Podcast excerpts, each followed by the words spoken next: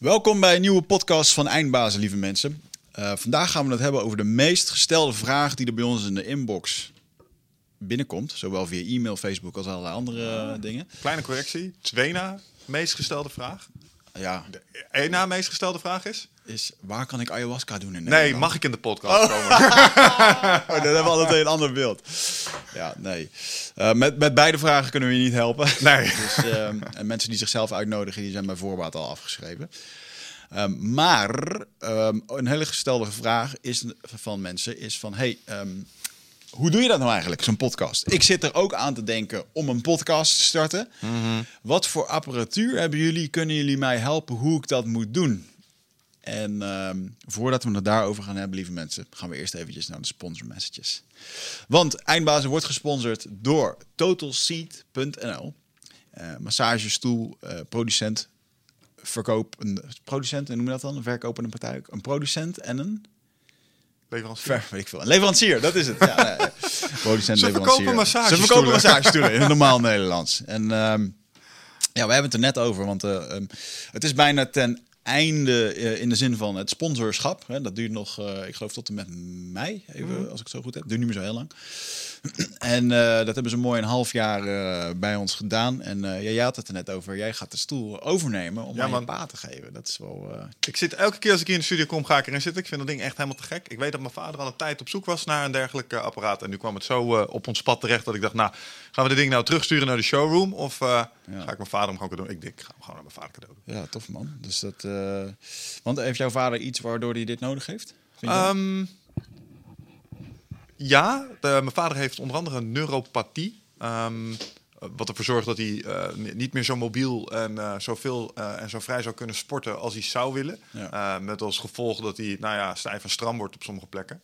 Um, ja. Ik denk dat dit hem daar wel ontzettend bij kan helpen. Want ik heb ook hier nu nou, best wel wat uh, tijdens het wachten laatst met het instellen van alle podcastapparatuur. Komen we straks nog wel even op hoe leuk en complex dat kan zijn.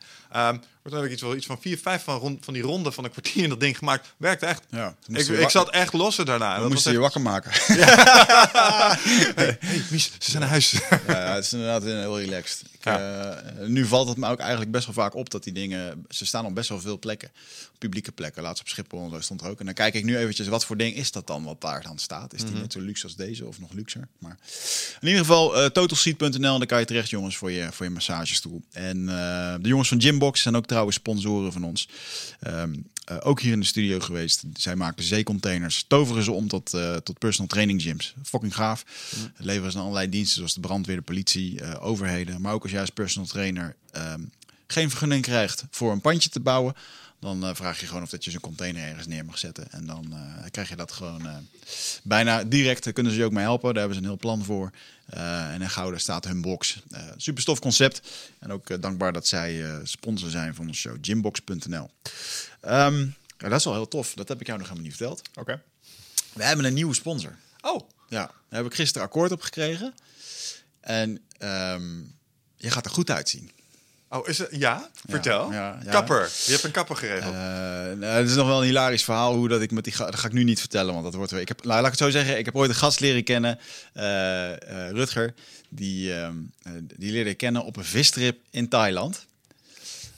Let op. Oké. Okay. Omdat. Um, omdat hij in, ergens op een of ander eiland, zo'n bounty-eiland, hij was daar een visstrip aan het organiseren met een of andere lokale Thai. Die had dan een boot, maar dan moesten wel minimaal zes mensen. Maar hij was samen met uh, zijn vriendin en nog een vriend. Dus ze hadden mensen nodig. Dus die zaten op het, mens, op het strand zaten ze mensen te ronselen. Het liefst natuurlijk ook dan Nederlanders. Nou, wat bleek nou? En zijn vriendin die zat in de fashion. Mijn vriendin zat destijds in de fashion. En die kwamen elkaar op het strand tegen. Hé, hey, jij bent toch die en die? En dus dat was zo'n soort van, uh, nou, wat gek, jullie ook hier. Kleine wereld. Vervolgens heb ik me helemaal, helemaal in scheur gelegen daar heel de middag om de meest mislukte uh, visstrip ooit. ik zal je de details besparen, maar misschien komt hij nog een keer hier. Maar uh, die heeft ondertussen het... Uh, ik mocht niet meer op de tafel slaan. Hè? Um, die heeft um, Martinique onder ah. En wij gaan gesponsord worden door, door Martinique, jongen. We gaan mooi aangekleed worden. Dus we hebben een kledingsponsor. Ja. Vet. Ja, dat is een mooi merk ook. Mooi chic merk ook. anders zou ik natuurlijk ook niet gaan lopen. Um, maar zij zijn gewoon wat op zoek naar uh, ja, eigenlijk zijn we dan een soort influencer voor hun, maar hm. ze zijn wel op zoek naar een ander soort influencer. Dus waar ja, het publiek van Martinique Ja. zou willen luisteren. En dat, eh, ja, denk blij mee man. Mijn wardrobe had ernstig een upgrade nodig. Weet je wat echt super confronterend is? Moet je voor de grap eens in de feed scrollen, zeg maar, van onze podcast. Kan je een beetje zien wat ik doorgaans op die opnames op heb. Ze hadden hetzelfde overhemd, zelf twee, drie hoodies. het is tijd voor het nieuws.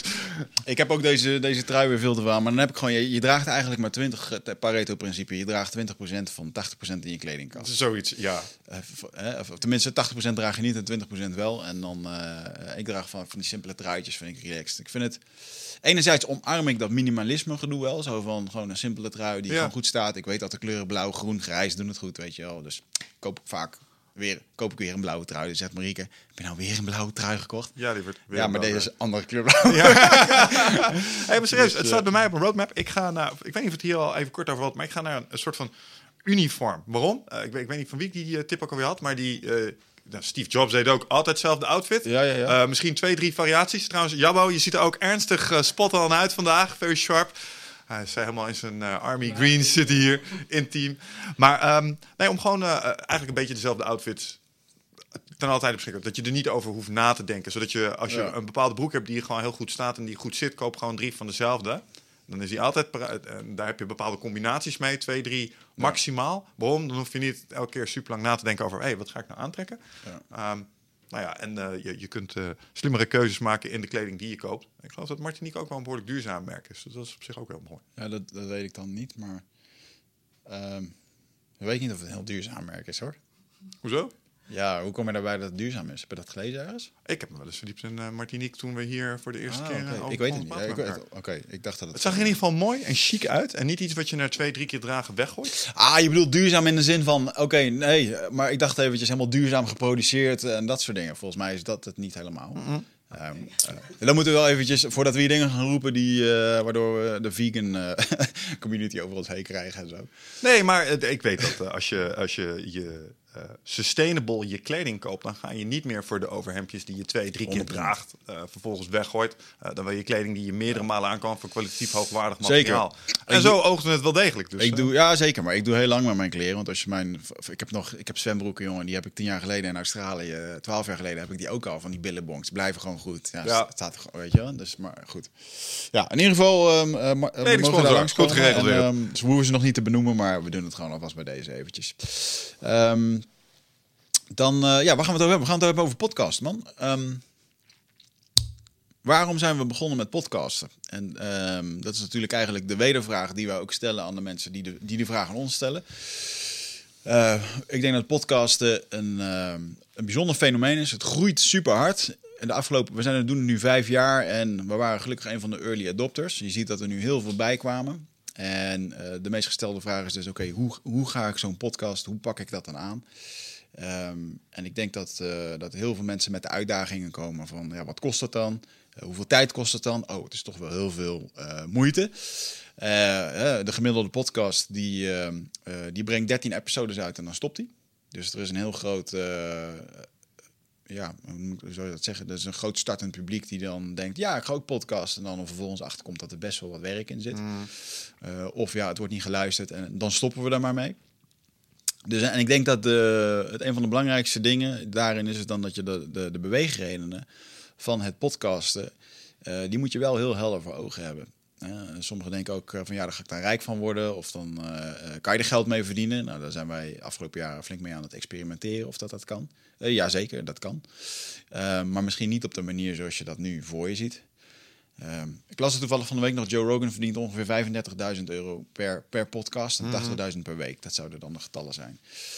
Ehm, maar wij luisteren dan naar Joe Rogan. Maar er zitten ook een paar andere gasten bij. Er stonden een paar voorbeelden bij die echt... ken je die, eh, die comedian Tom Green? Die mafkees die al Ja, ja. Die schijnt dus een podcast te hebben waar die ook echt 50.000 euro voor, eh, voor vraagt. Voor, eh, Hij is de reden dat de JRA bestaat. Me- Meen je dat? Ja, Joe Rogan heeft ooit bij hem... Toen hij had een, eh, Tom Green die had een studio, eigenlijk gewoon een podcaststudio in zijn kelder ingericht. En daar is nog een interview met Joe Rogan eh, toen de tijd ingedaan. Dus zag je Joe Rogan daar echt... Daar viel een bepaalde kwartje van... Hé, hey, maar dit is kicken. Dit kan ik ook. En toen is hij vervolgens de JRA gestart. Naar aanleiding van wat hij daar zag. Ah, Ja. Oh, dus Tom. Green was een soort van eh, ja, influencer voor Joe daarin. En eh, die, die is ook al een tijd mee bezig hoor. Oh, wat lachen. Ja, nou, dan begrijp ik waarom hij ook genoemd is. Hij, hij popte in één keer naar boven dacht ik, oh ja, dus die gast van MTV met Ja. die rare dingen allemaal. Ja. Dus, ehm, ehm, Wat zou jij als advies geven aan iemand? Waarom zou iemand een podcast moeten starten? Welk, wel eventjes het, het, eerste advies wat je iemand in de kroeg zou geven. Waarom zou je dat doen? Waar moet hij dan aan denken? Nou, ik kan je vertellen waarom je het niet zou moeten doen. In plaats van waarom je het zou moeten doen. Omdat ik zie... Um, patroonherkenning is een ding. We hebben best wel veel mensen de uh, podcast zien starten. Mensen die de vraag hebben gesteld. En bij een percentage ervan... Uh, die mensen die doen het omdat ze eigenlijk bekend willen worden. Hmm. Voor een bepaalde mate van fame. En ik denk dat als dat je motivatie is om het te doen, um, dat dat beperkt succesvol zijn. In sommige gevallen zal dat lukken, maar sommige niet. Ik denk dat je het sowieso zal moeten doen omdat je ergens inhoudelijk echt super enthousiast over bent. En je, je, loopt er bijna van over en je kan niet anders als het daarover willen hebben. En wij hebben dat, eh, er zijn redelijk brede thema's, maar er zit wel een patroon in. Het gaat allemaal over persoonlijke ontwikkeling, groei en dat soort dingen. En als je naar ons kijkt, we vinden dat te gek. En ook al zouden we niet podcast, zouden we nog daarmee bezig zijn. Ja. Dus doe het omdat je ergens super hartstochtelijk over bent. Als je denkt dat dit een, een, uh, een laagdrempelige manier is om bekendheid en uh, autoriteit uh, voor jezelf te winnen, hè, dus om een bepaalde status binnen te harken, dan denk ik niet dat dit de weg is. Uh, en ik denk ook dat mensen dat doorgaan hebben op het moment dat je het doet. En dat het daar waarschijnlijk ook niet zal slagen. Hè? Wat wij hier wel eens voor de grap hebben gezegd. Je zou dit moeten doen, ook als zou er niemand luisteren. Ja, ja zeker. Uh, en de reden om het te doen is omdat je in een bepaald onderwerp je wil verdiepen. Daar wil, je, daar wil je helemaal in doordrenken. En wat het mooie is aan een podcast is dat je er gesprekken over kunt voeren. Ja. En dat hoeft niet noodzakelijk zoals wij te doen met experts te zijn. Het kan ook met gelijkgezinden zijn. Uh, de nerdkant in mij luistert wel eens naar podcasts over D&D. zijn gewoon gasten die D&D heel vet vinden. Dungeons and Dragons. Okay. Snap je? Ja. Uh, en die gaan daar, die, die kletsen daar uren met elkaar over. Ja. Um, en zo heb je ook podcasts, die luister ik dan niet, maar ik weet dat ze er zijn over Star Trek. En die, bekijken, die bespreken elke aflevering van Star Trek. Nou, je moet wel echt een trekkie zijn, echt een fan om dat te willen doen. Ja. Dus wees hartstochtelijk over je onderwerp. Want als je wil dat je podcast slaagt, you're in it for the long haul. Mm -hmm. Hè, dus als je denkt, ik doe het even snel en daarmee ben ik snel op uh, de status dat ik één sta in iTunes en dat soort dingen. En mensen ja. komen naar me toe ineens. Nou, dat duurt wel even, zoals wij weten uit ervaring. Ja. Ja, ik denk dat uh, het advies wat ik mensen zou geven is inderdaad dat je het voor de long run zou moeten doen. Um, want uh, verwacht ook niet dat je er geld mee verdient de eerste paar jaar. Mm -hmm. En natuurlijk kan het bijdragen aan dat je een keertje extra sales krijgt. Of dat, uh, maar dat is iets wat, wat heel het is niet zozeer dat daar een, een ontzettend kantelpunt op staat als een wip. Dat er dan in één keer, wow, nu worden we opgepakt en, en dan verdienen we in één keer geld. Want daar hebben wij ook best wel vaak op zitten te wachten van... wanneer komen wij nou eens een keertje met een, met een item of met een clip in RTL Boulevard... of wordt het ja. opgepikt dat je in één keer die spurt krijgt. En dat gebeurt eigenlijk gewoon continu niet. Maar wat wel continu gebeurt, is dat je 0,5% groeit. Ja. En uh, daar zit wel gewoon de, de, uh, de, ja, de, de groei in. En doordat je meer mensen bereikt. En, en ik weet ook zeker dat er een hele hoop mensen die vroeger reageerden op die podcast, reageren nu meer. Dus dat betekent misschien dat die klaar zijn met, uh, met het luisteren. Ja. En dan komen we nieuwe voor in de plek. En dus er zit wel een, een goede relatie in. En ik denk dat um, je moet dit. Ja, je moet het inderdaad gewoon doen omdat je ergens over wil kletsen, dat je een bepaalde passie hebt en je wil iets van waarde gaan brengen. En ik denk dat je de verkeerde waarde brengt op het moment dat je jezelf wil gaan laten zien. Alleen maar. Hè? Dat, dat stukje bekend worden daarin, mm -hmm. dat, dat kan bijdragen aan. Uh, nou, hey, la, laten we niet helemaal um, heiliger, uh, holier than thou spelen. Um, het, het, het, stukje, je moet wel op een bepaalde manier gebouwd zijn om achter een microfoon te willen gaan zitten en een host willen worden van een Absoluut. van een show. Hè? Dan moet je toch wel die idee hebben, oké, okay, ik heb iets te melden ja. uh, en, en, en, dit is leuk. En, ik denk dat ik iets te melden heb. Dus denk, ja. Dat is vooral... En, en, laten we ook niet hypocriet doen over iets wat we hier ook al wel eens transparant op tafel hebben gelegd. Um, ik denk namelijk dat het merendeel van de mensen die ons benaderen over, hey, waarom, uh, hoe start je een podcast? Dat stiekem ook doen omdat ze al hebben gefantaseerd over in een podcast te zitten. Ja. Hè, ik heb regelmatig zitten fantaseren in de auto voordat we dit hele feest zijn gestart over zelf te gast zijn in een podcast, bijvoorbeeld met Joe Rogan. Maar ik denk, ik zou daar ook wel kunnen zitten. Ja. Ik zou een leuk gesprek kunnen hebben met Zeker. Joe. Ja, ja, dat dacht je dan. Of dat waar is, is een tweede. Uh, maar, maar daar zit je over na te denken. En dat hebben jij en ik ook gedaan. Ja. Um, en, onze strategie was, nou, misschien moeten we er dan zelf maar één starten. Dan is de kans ja. groter dat je hem daarin kunt trekken. Of dat je in ieder geval hè, uh, op zo'n manier groeit daarin. Ja, maar dus de, de, de, de, inter, de in, uh, interne motivatie was... ik wil toffe gesprekken kunnen voeren met dat soort mensen. Hem. En, en dat is wat we uiteindelijk met eindbazen inderdaad hebben gecreëerd. Ik kreeg vaak de vraag van, zou je het nog steeds doen als er niemand zou luisteren? Ja, zo zijn we begonnen. Zo simpel was dat. En in het begin luisterde er ook niemand. Ik weet nog, weet je nog dat we de eerste proef, proefpodcast hebben opgenomen met, eh, met Tobias? Ja. En dat was eigenlijk een heel tof gesprek. Over, ook over, over alles, over ayahuasca. Ik heb hem nog trouwens. Ik zou hem eh, nog een keer kunnen uitbrengen. En echt wel gewoon een... eh, dat we daar zenuwachtig soort van zaten. Van, Ja. wow, gaan mensen dit wel tof vinden en zo. Ja, We meteen wel- als bok op een havenkist op de stokpaardjes duiken. Zelfs daar al. Ja, en dat je dan ook wel de eerste reacties kreeg van, eh, van mensen die er naar luisteren en die het dan leuk vonden. En, Ja. ja, ik denk wel. ehm, het, het is mooi man dat het eh, zo gegroeid is. Maar ik denk nu nog steeds, en ik, ik spreek, we spreken nu ook nog wel met mensen. Ik hoor af en toe mensen die, ehm, eh, die interviewen echt hele grote namen. Bijvoorbeeld David Allen. Hmm.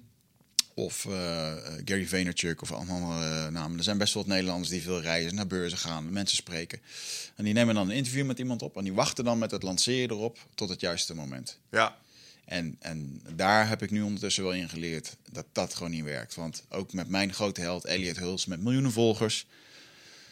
Ja, er gebeurde niks. Er gebeurde de, gewoon weer hetzelfde. De mensen luisterden het, sommigen luisterden het niet. Nee, Ehm, en, de, en- de, de waarde zit niet in het extra exposure die het genereert. Die zit hem in het feit, bijvoorbeeld, eh, David Allen, grote naam. Het feit dat ik met hem kon praten, was hetgene wat het zo dik maakte. Het Ja. feit dat je eh, 2,5 uur met zo'n met zo'n kerel waarvan je zijn boeken hebt gelezen, eh, dat je daarmee in gesprek kan. Dat Ja. is wat het dik maakt. Niet Ja. zozeer de views daarna, hoewel je wel bij sommige gasten verwacht dat ze een bepaalde exposure gaan genereren. En als ze dat dan niet doen, dan vind je dat, oh, dat is interessant, dat had ik anders verwacht.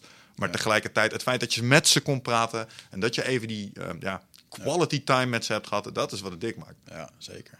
Nou, goed, om het eventjes eh, op te rappen. We willen vandaag met jullie een aantal stappen doornemen over hoe je dus een podcast eh, kan opzetten voor jezelf. Met, eh, nou, met wat laaghangend fruit. En de lessen die wij er ondertussen hebben geleerd. We hebben ondertussen ook heel veel andere podcasters erin begeleid om dit te starten. Eh, en dan, eh, het is misschien wel leuk om gewoon heel veel voorbeelden aan te halen over hoe mensen dat doen. Want eh, het grootste, de grootste fout die mensen hier ook maken is het overcomplicated maken. Ja. En nu is het wel heel erg grappig als mensen vragen: wat voor apparatuur hebben jullie dan in de studio? En dan zeg ik echt: don't even start, weet je wel, want dit ga je niet kopen. Als je, Oh, als je begint, tenminste. als je begint. Maar, maar laten we dan wel wezen met een, waar we mee begonnen, waren met. eh, dan kom je natuurlijk op het materiaal wat je nodig hebt. Misschien leuk om daar straks wat over te. Laten we daar straks even over beginnen, anders gaan we even afwijken. Ik wil het eerst eens eventjes hebben over eh, de, de verschillende vormen waarin een podcast kan. eh, Ja, kan, kan komen. Ehm, en waar veel mensen zich in onderschatten, denk ik, is... ehm, denken ze van, ja, maar moet ik met gasten? Nou, dat hoeft helemaal niet. Als jij Nee. gewoon zelf hele verstandige dingen hebt te zeggen... dan, eh, dan kan je het ook gewoon solo hebben.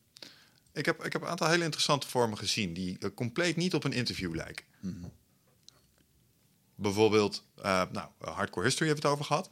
Dan Carlin. Ja, in een andere podcast heb je Ja. het over gehad, maar nu niet. Dus Ja, Dan, Dan, leg- Car- Dan Carlin, dat is een meneer die doet hardcore history. En die bereidt best wel uit bijna audioboeken van drie uur voor. Ik wil niet zeggen dat iedereen moet beginnen met long format, want je kan ook een korte podcast doen, want die heb je ook. Maar wat hij doet, is hij bereidt gewoon een stuk voor. En dan houdt hij eigenlijk gewoon een soort eh, lezing over eh, iets uit de geschiedenis. Wat eh, vet was, bijvoorbeeld de Eerste Wereldoorlog of de Mongolen of nou, wat het ook maar is. Hij heeft dan een aspect op het iets meer morbide onderdeel van. Maar het format op zich is gewoon... Hij heeft ook geen video. Het is gewoon audio. Waarbij hij eigenlijk een soort van freewheelt door een stuk aan informatie die hij zelf van tevoren heeft voorbereid. Dus dat is een format. Ja, dus gewoon het, het, hem- Brandon Burchard is ook een hele bekende die ook miljoenen volgers heeft. Die praat gewoon over persoonlijke groei. Ja. En feitelijk de filmpjes die hij online zet op YouTube, dat zijn 10 minuten filmpjes over eh, drie manieren hoe ik mijn agenda beter kan beheren. Daar pakt hij de audio van en dat is gewoon zijn podcast. Ja. Heb je Nieuws Radio wel eens geluisterd? Eh, nooit. Dat is ook een podcast. Eh, en dat is bijvoorbeeld, dat is bijna een kunstwerkje. Wat ze daar doen, is ze doen ze interviews. Eh, moet je je voorstellen dat wij, jij en ik een interview opnemen. Maar voordat het interview begint, hebben we zwaar bewerkt. Eh, intro tune, samenvattingje van tevoren. Eh, en wat zij bijvoorbeeld doen, is met dat iemand iets vertelt.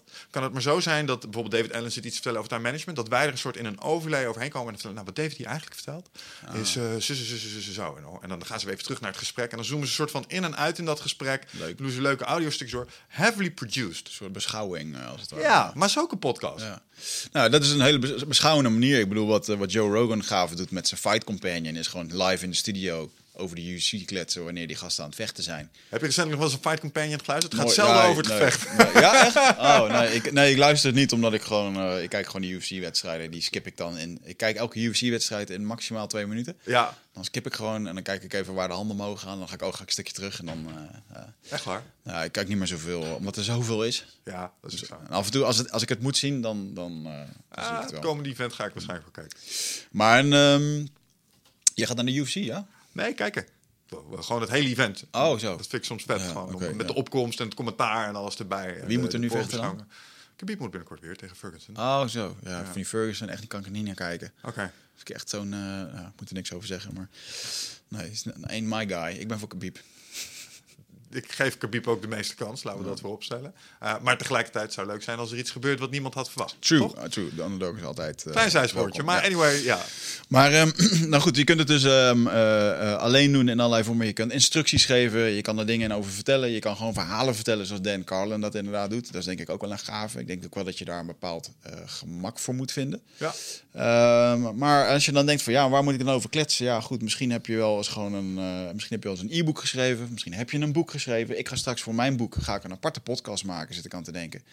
Die uh, gewoon uh, de titel van het boek gaat heten. En daar ga ik gewoon ga ik alle shit in kwijt die, die mensen aan me vragen tijdens lezing of dingen. Ik ga die hoofdstukken ga ik uh, bespreken. Ja. Dingen die ik meemaakte in de jungle. En dat blijft gewoon straks altijd online staan. Als, voor de fans die dat leuk vinden, ga lekker daar zoeken, weet je wel. Dat is misschien ook wel een goeie. Omdat, um, dat, dat zie je ook wel. Mensen denken dat een podcast misschien ook wel een non-stop stroom van afleveringen moeten zijn.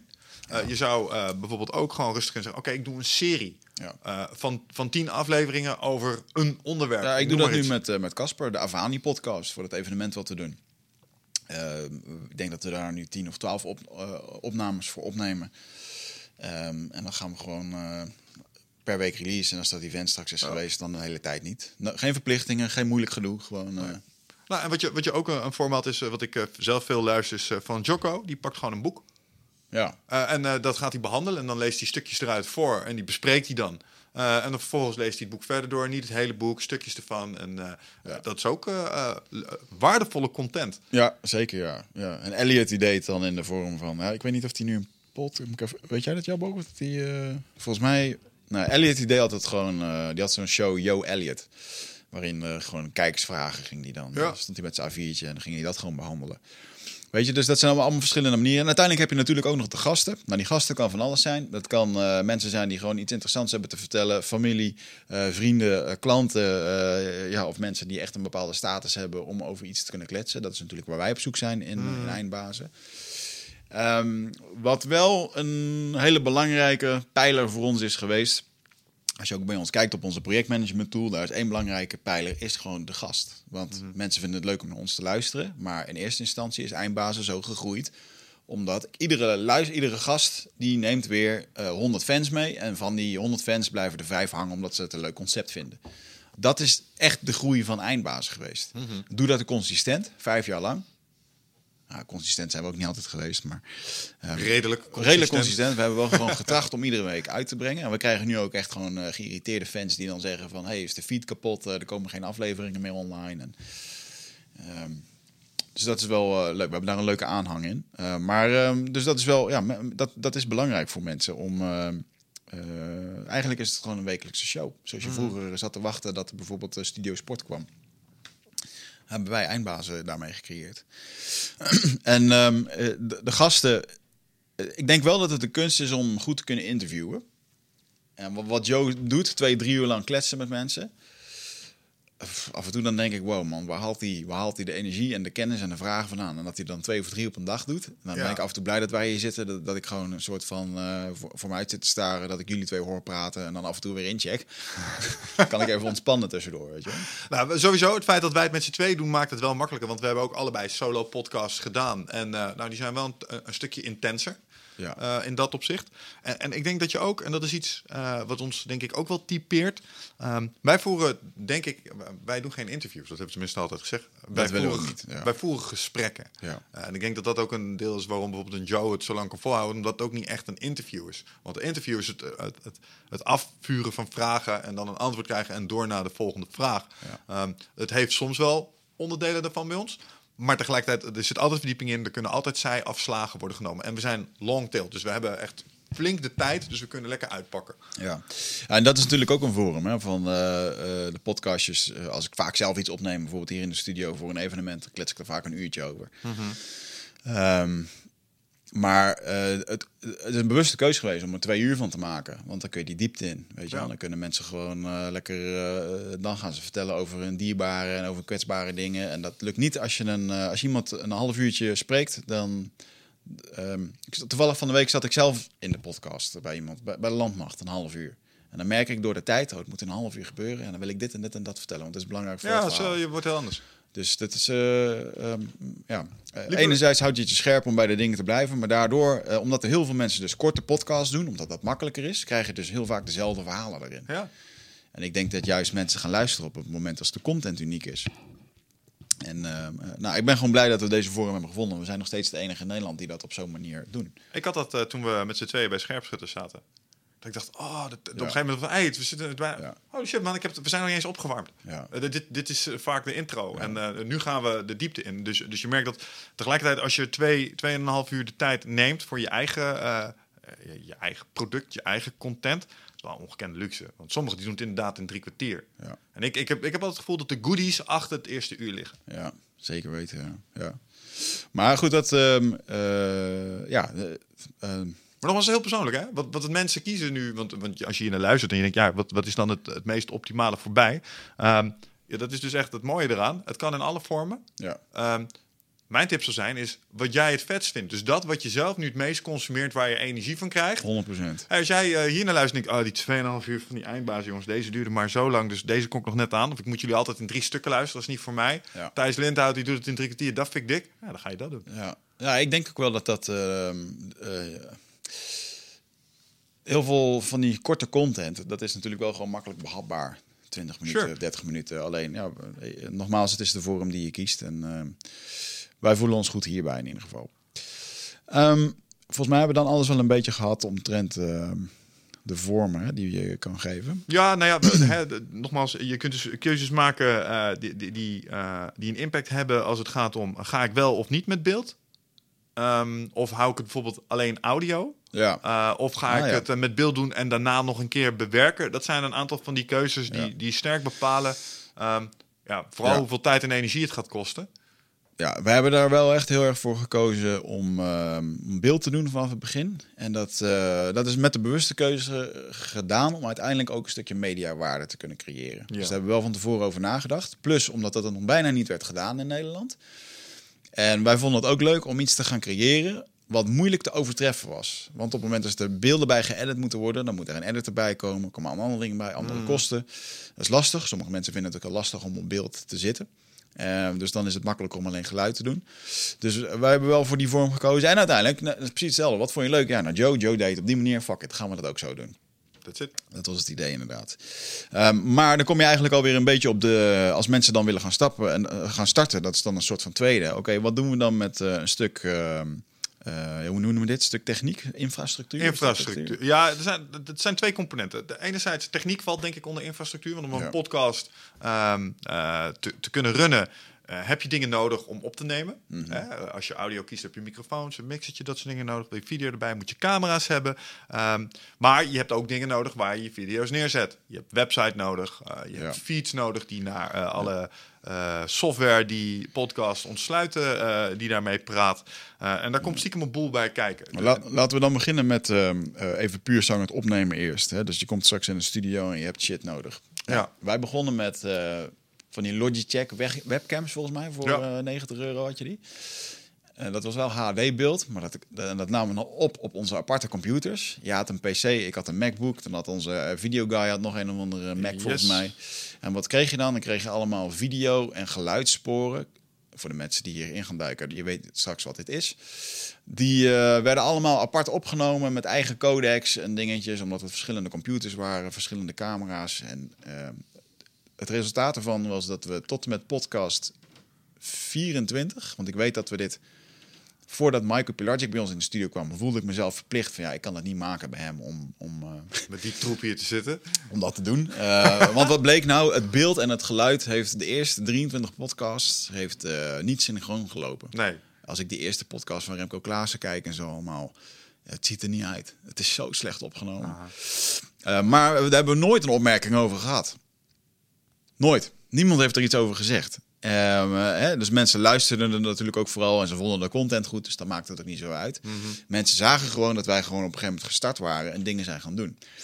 En um, ik denk al met al, we hebben wel geïnvesteerd in microfoons. Ik heb deze microfoons gekocht omdat Lewis House die ook had. Ja. een Amerikaan die toevallig op zijn website had staan, omdat hij die vraag heel vaak kreeg: van ja, wat voor apparatuur gebruik jij? Gewoon om, het, om mensen af te wimpelen, had hij daar een soort van uh, FAQ gemaakt. Hmm, slim. En daar heb ik toen, uh, uh, toen heb ik gewoon deze Heil, Heil microfoons gekocht. Goede naam ook. Um, Interne studio grapje. Heil Eindbazen. um, en uh, voor degene die nu video zitten te kijken, het heil is van het uh, Merk, merkdingetje. Hebben het er, uh, omdat wij toevallig na 160 afleveringen werden geattendeerd door onze, hoe noemen we dat, studio guys die alles maken of alles leveren qua apparatuur. Die zeiden, wisten jullie dat er altijd heil bij jullie in het beeld staat? Nee, dat wisten wij niet. Was ons in ieder geval niet opgevallen. Dus nu hebben we dat zwart gemaakt en nu zien we. Anyway, lang verhaal kort. Uh, dit zijn wel, uh, ik geloof dat deze microfoons iets van 600 euro per stuk kosten. Ja, dat waren geen goedkope jongens. Uh, maar we zijn vanaf het begin zijn wij geroemd vanwege het geluid. Dat mensen zeiden, dit is echt goed. Ja. En als je zelfs Patrick Kikken en radio fanaten Michael Pilagic in de studio krijgt die dan zeggen, wow, dit is goed. Ja. Het klinkt goed, dan heb je het goed gedaan. Ik denk dat we toch nog wel heel even het verhaal moeten vertellen over hoe we deze fantastische microfoons kochten. Dat we heel even dachten dat ze stuk waren. Oh, dat ja. Ja, ook hilarisch was dat, ja. Dit zijn dus best wel uh, leuke microfoons. Alleen ze hebben als eigenschap, en dat ga je dus ook uh, mee te maken krijgen op het moment dat je je microfoon gaat uitkiezen. Uh, sommige zijn directional en sommige zijn omnidirectional. Dat betekent dat je er aan alle kanten tegenaan kan lullen en dan komt het geluid er goed op binnen. Deze daarentegen moet je echt recht aan de bovenkant moet je daarin kletsen. En ja. toen onze audiotechnicus die ons hiermee hielp, uh, deze spullen aan het installeren was en de eerste testruns ermee uh, aan het doen was, had hij dat niet in de gaten. Dus ze, gingen al bijna retour, omdat hij dacht dat ze stuk waren. Ze van, nee, nee, nee, je moet er aan de bovenkant uh, in kletsen. Dat dus, was hilarisch. Rookie ja. mistake, maar ja, hou er rekening mee op het moment dat jij je microfoon aanschaft. Uh, maar het, het, weet je, uiteindelijk is het dus wel voor wat voor format kies je. En uiteindelijk geluid is heel belangrijk, want mensen luisteren naar je. En dan moet het gewoon goed klinken. Ja, maar dat gezegd hebbende, uh, want ik kan me voorstellen dat je je podcast wil starten. Je denkt, ja, sodemiet erop met je microfoon voor 600 euro. Dat, ja, zeker, dat heb ik ja. er niet voor over. Uh, de rode podcaster mics, ik weet niet of die nog te verkrijgen zijn. Maar Rode was een goed merk. Rode, met zo'n... Ik dacht dat die 130 euro zijn. Die ja, die zijn zeer overzichtelijk. Het zijn gewoon USB-microfoons.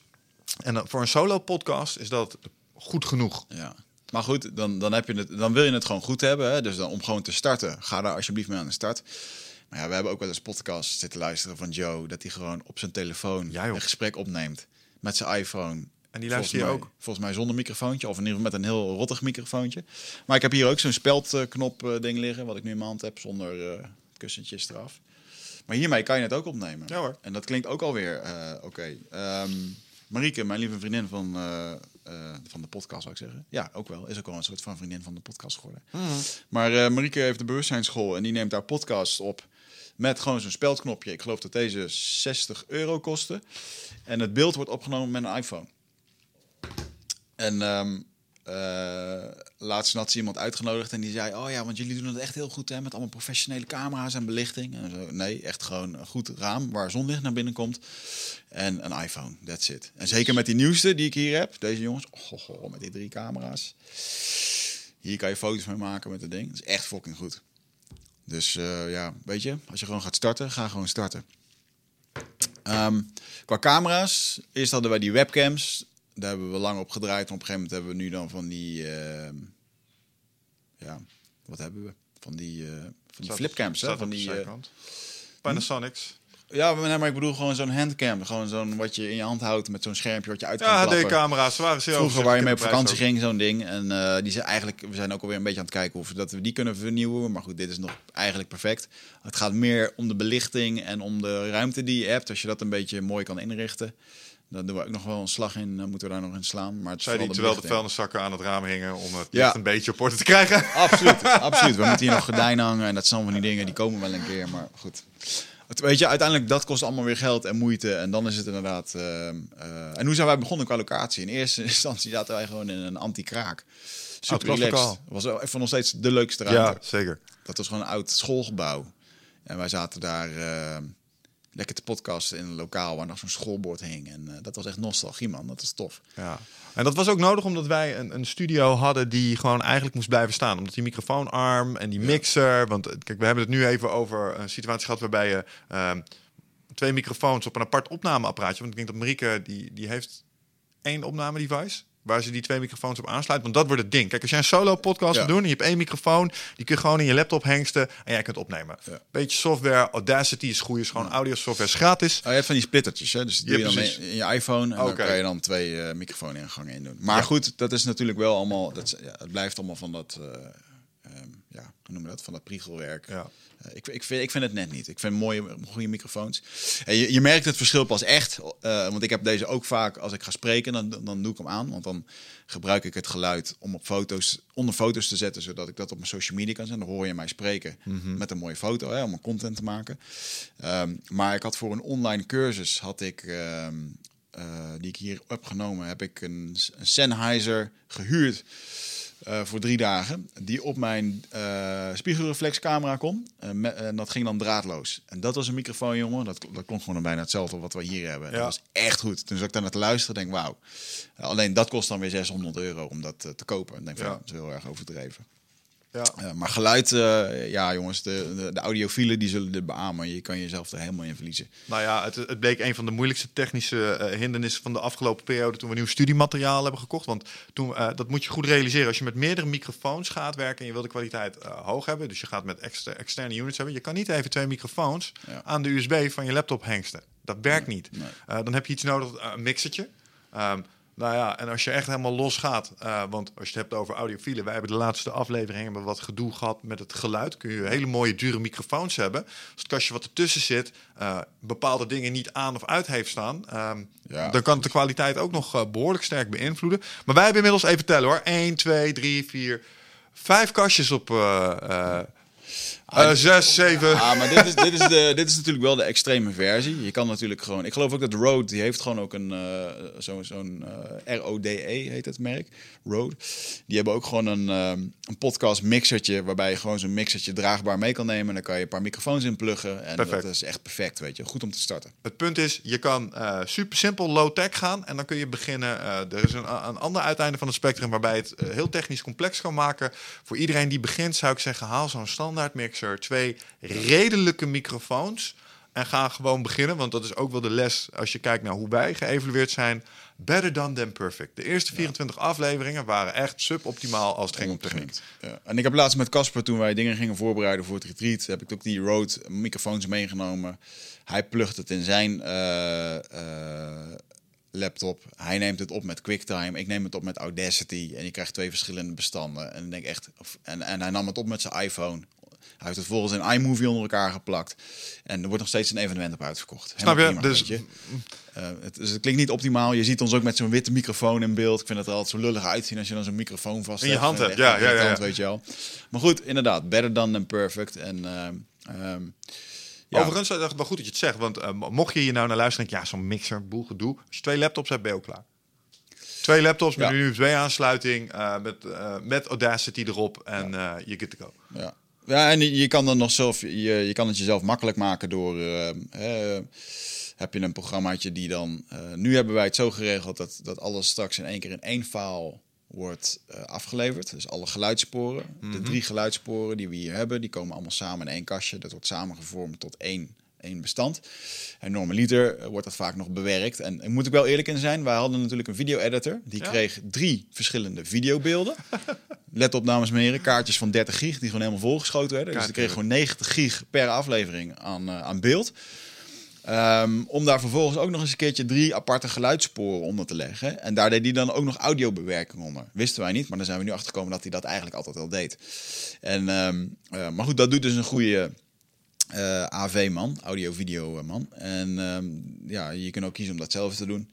Uh, ik zie Michael Pilagic ook altijd heerlijk klooien op zijn social media dat hij weer podcast uh, even aan het nabewerken is. Want die nabewerking uh, is vaak wel nodig. dat je een soort een beetje dat radiogeluid kan krijgen. Dat, ja. dat, wat jullie nu horen overigens, jullie horen nu nog, als je mijn stem nu zou horen en je zou dat op een geluidsgrafiek leggen, dan zou je allemaal van die soort wijzer zien, zo'n soort uit, noem dat? Zo'n uh, seismograaf. Uh... Ja, zo'n ding wat uitslaat, zeg maar. En er zitten nu nog wat hoge pieken op. En nu komt er straks nog een meneer die gaat het helemaal finaliseren. Dan komt er nog een compressor bij. Die duwt dat geluid en de hoge tonen, die duwt die als het ware in elkaar. Waardoor je dat gouden radiogeluid krijgt. En dan is het helemaal uh, voor de audiofielen, die, die zullen dat merken. Ja, dan doe je niet maar een podcast, maar een podcast. Ja. Ja, belangrijk. belangrijk podcast. Dus dat is in ieder geval een, uh, een hele gave. Uh, weet je, daar kan je helemaal je ei in kwijt. Ik denk dat wij hier nu de, de ultieme uh, oplossing hebben. Waarbij we een Jamie hebben. Want Jabbo zit nu achter de knopje. En Jamie was ook bij Joe Rogan de man die daar de beelden switcht. Op het moment als iemand spreekt. Daar hebben we ook nog voor gekeken of dat met software kon. Die dan aangaat op de trilling van de, van, van de podcast. Sorry, van de microfoon, van het geluid. Maar dat bleek allemaal nog een beetje onderontwikkeld. Um, dus het bleek gewoon, oké, we hebben de keus. Of we laten al die bestanden achteraf editen. Of we willen iemand in de studio die dat hier ter plekke gaat doen. En dat is nu dus uh, Jabbo geworden die achter de knoppen zit. Er zit een mooi kastje met een switcher, dus die kan iedere keer switchen. Switch even naar mij, Michel. Kijk, zie je? Zo doet hij dat dan. Anyway, dat geluid en dat beeld, dat komt allemaal daar binnen. En dan, uh, uh, sterker nog, ik kan het je wel even laten zien. Als je nu kijkt, kan je mijn camera inzetten? Dit is Jabbo. En uh, je ziet hier alle apparatuur en zo allemaal. Ik zal er nog wel een keer een apart filmpje voor opnemen. Dat zal je ook vinden bij ons op de social media dingen. Um, of misschien moeten we dit niet helemaal online zetten. Dat is misschien niet helemaal handig. Maar um, anyway, je ziet hier allemaal kastjes en dingetjes met een apart beeldscherm. Hij zit gewoon live mee te kijken. Uh, dit is de ultieme oplossing, jongens. Eigenlijk is dit wat gewoon... Uh, we kunnen live streamen nu. Dit ja, is, ja dit is tegelijkertijd ook wel de meest prijzige oplossing. Absoluut, ja. Maar goed, daar hebben we onlangs een fundraising voor gedaan. En omdat we dus al vijf jaar aan het grinden zijn, iedere week aan het, uh, uh, aan het podcasten. En uh, je wil af en toe niet weten hoeveel hoofdpijn dat het is achter de schermen met alles ja. regelen erin. Want ja, goed, dan heb je natuurlijk alles opgenomen. En dan begint eigenlijk, de lol zit hem echt in het podcasten. En dan begint eigenlijk pas de, de, ja, de andere dingen, die, de ellende ja, soms van, van het, oké, het moet online gezet worden. hey, je wil op social media een, ja, uh, een, plaatje doen. Ja, dan moeten bepaalde afmetingen zijn. Het moet in iTunes geüpload worden. Dus waar zullen we eens even beginnen? Laten we beginnen met waar, je het, uh, waar kan je nou dat beeldmateriaal en het geluid, waar kan je dat allemaal kwijt? Nou, we hebben ervoor gekozen om dat ook op YouTube te doen. Mm -hmm. Um, zou ik ook doen, want op YouTube wordt gewoon nog steeds heel veel gekozen. Is goed voor je Google-vindbaarheid ook, hè, als je daar goede titels hebt. Um, maar uiteindelijk heb je natuurlijk ook het, uh, het, iTunes, waar we eigenlijk het grootste zijn. Spotify zetten ja. we nu ook op. En Stitcher. Stitcher. Ja, er zijn een aantal uh, aggregatoren die het naar allerlei andere zeg maar, uh, uh, ja, outlets pushen. Dus dan update je het op één plek. Stitcher bijvoorbeeld is daar volgens mij goed. En dan komt het op een aantal andere plekken komt het ook in de ja. desbetreffende download stores terecht. Um, voordat ik het vergeet, nog even een toevoeging op YouTube. Maak niet de denkfout door te denken, maar ik neem geen video op, dus ik kan het niet naar YouTube uploaden. Ja. Je ja. kan je audiospoor voorzien van je eigen logootje, dan maak je een film van en dan kun je het ook gewoon op YouTube ja. zetten. Niks aan de hand. Dus dan, dan ben je ook daar gewoon vindbaar. Um, en um, wat je ook niet moet vergeten is dat op het moment dat je het uh, op uh, dingen als iTunes en Spotify wil aanbieden, is dat het audiobestand moet ergens staan. En dat betekent dus dat je daar hosting voor nodig hebt. Of, en dat is ook een alternatief, wij gebruiken dat niet, maar uh, bijvoorbeeld Transformatiepodcast van Jeanette, die doet dat wel, Soundcloud. Mm -hmm. uh, waar Soundcloud die heeft uh, pro-pakketten en die doen dan je hosting. Want je moet je voorstellen dat mp3'tje moet ergens op ja. een computer op het internet staan. Ja. Nou, wij hebben daar gewoon een server voor. en die serveert die dingetjes uit naar iTunes, naar Spotify, naar wat dan ook. Ja. Dus je hebt hè, dus plekken nodig voor je video, YouTube aan de ene kant, maar ook een plek nodig waar je audio wordt gehost. Ja. En dat is even iets anders, want iTunes host je bestandje niet.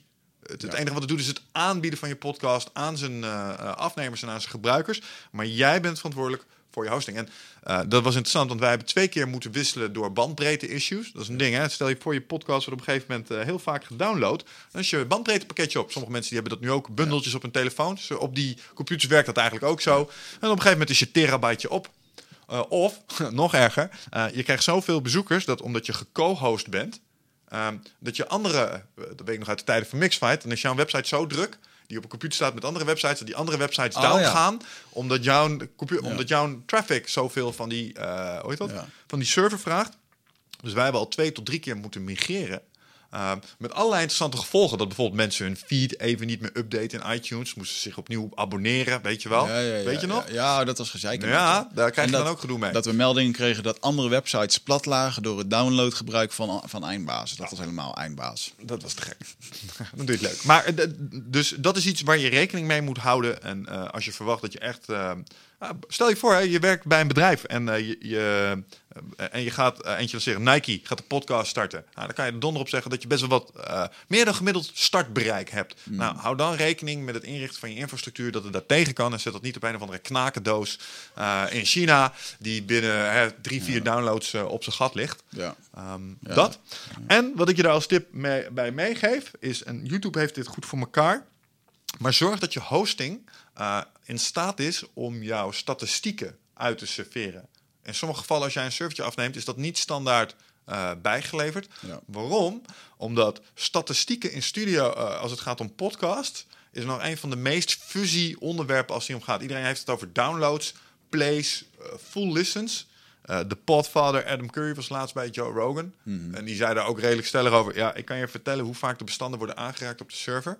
Mm. Maar dat vertelt je geen reet over full downloads. Ja. het enige wat je echt weet is bandbreedte.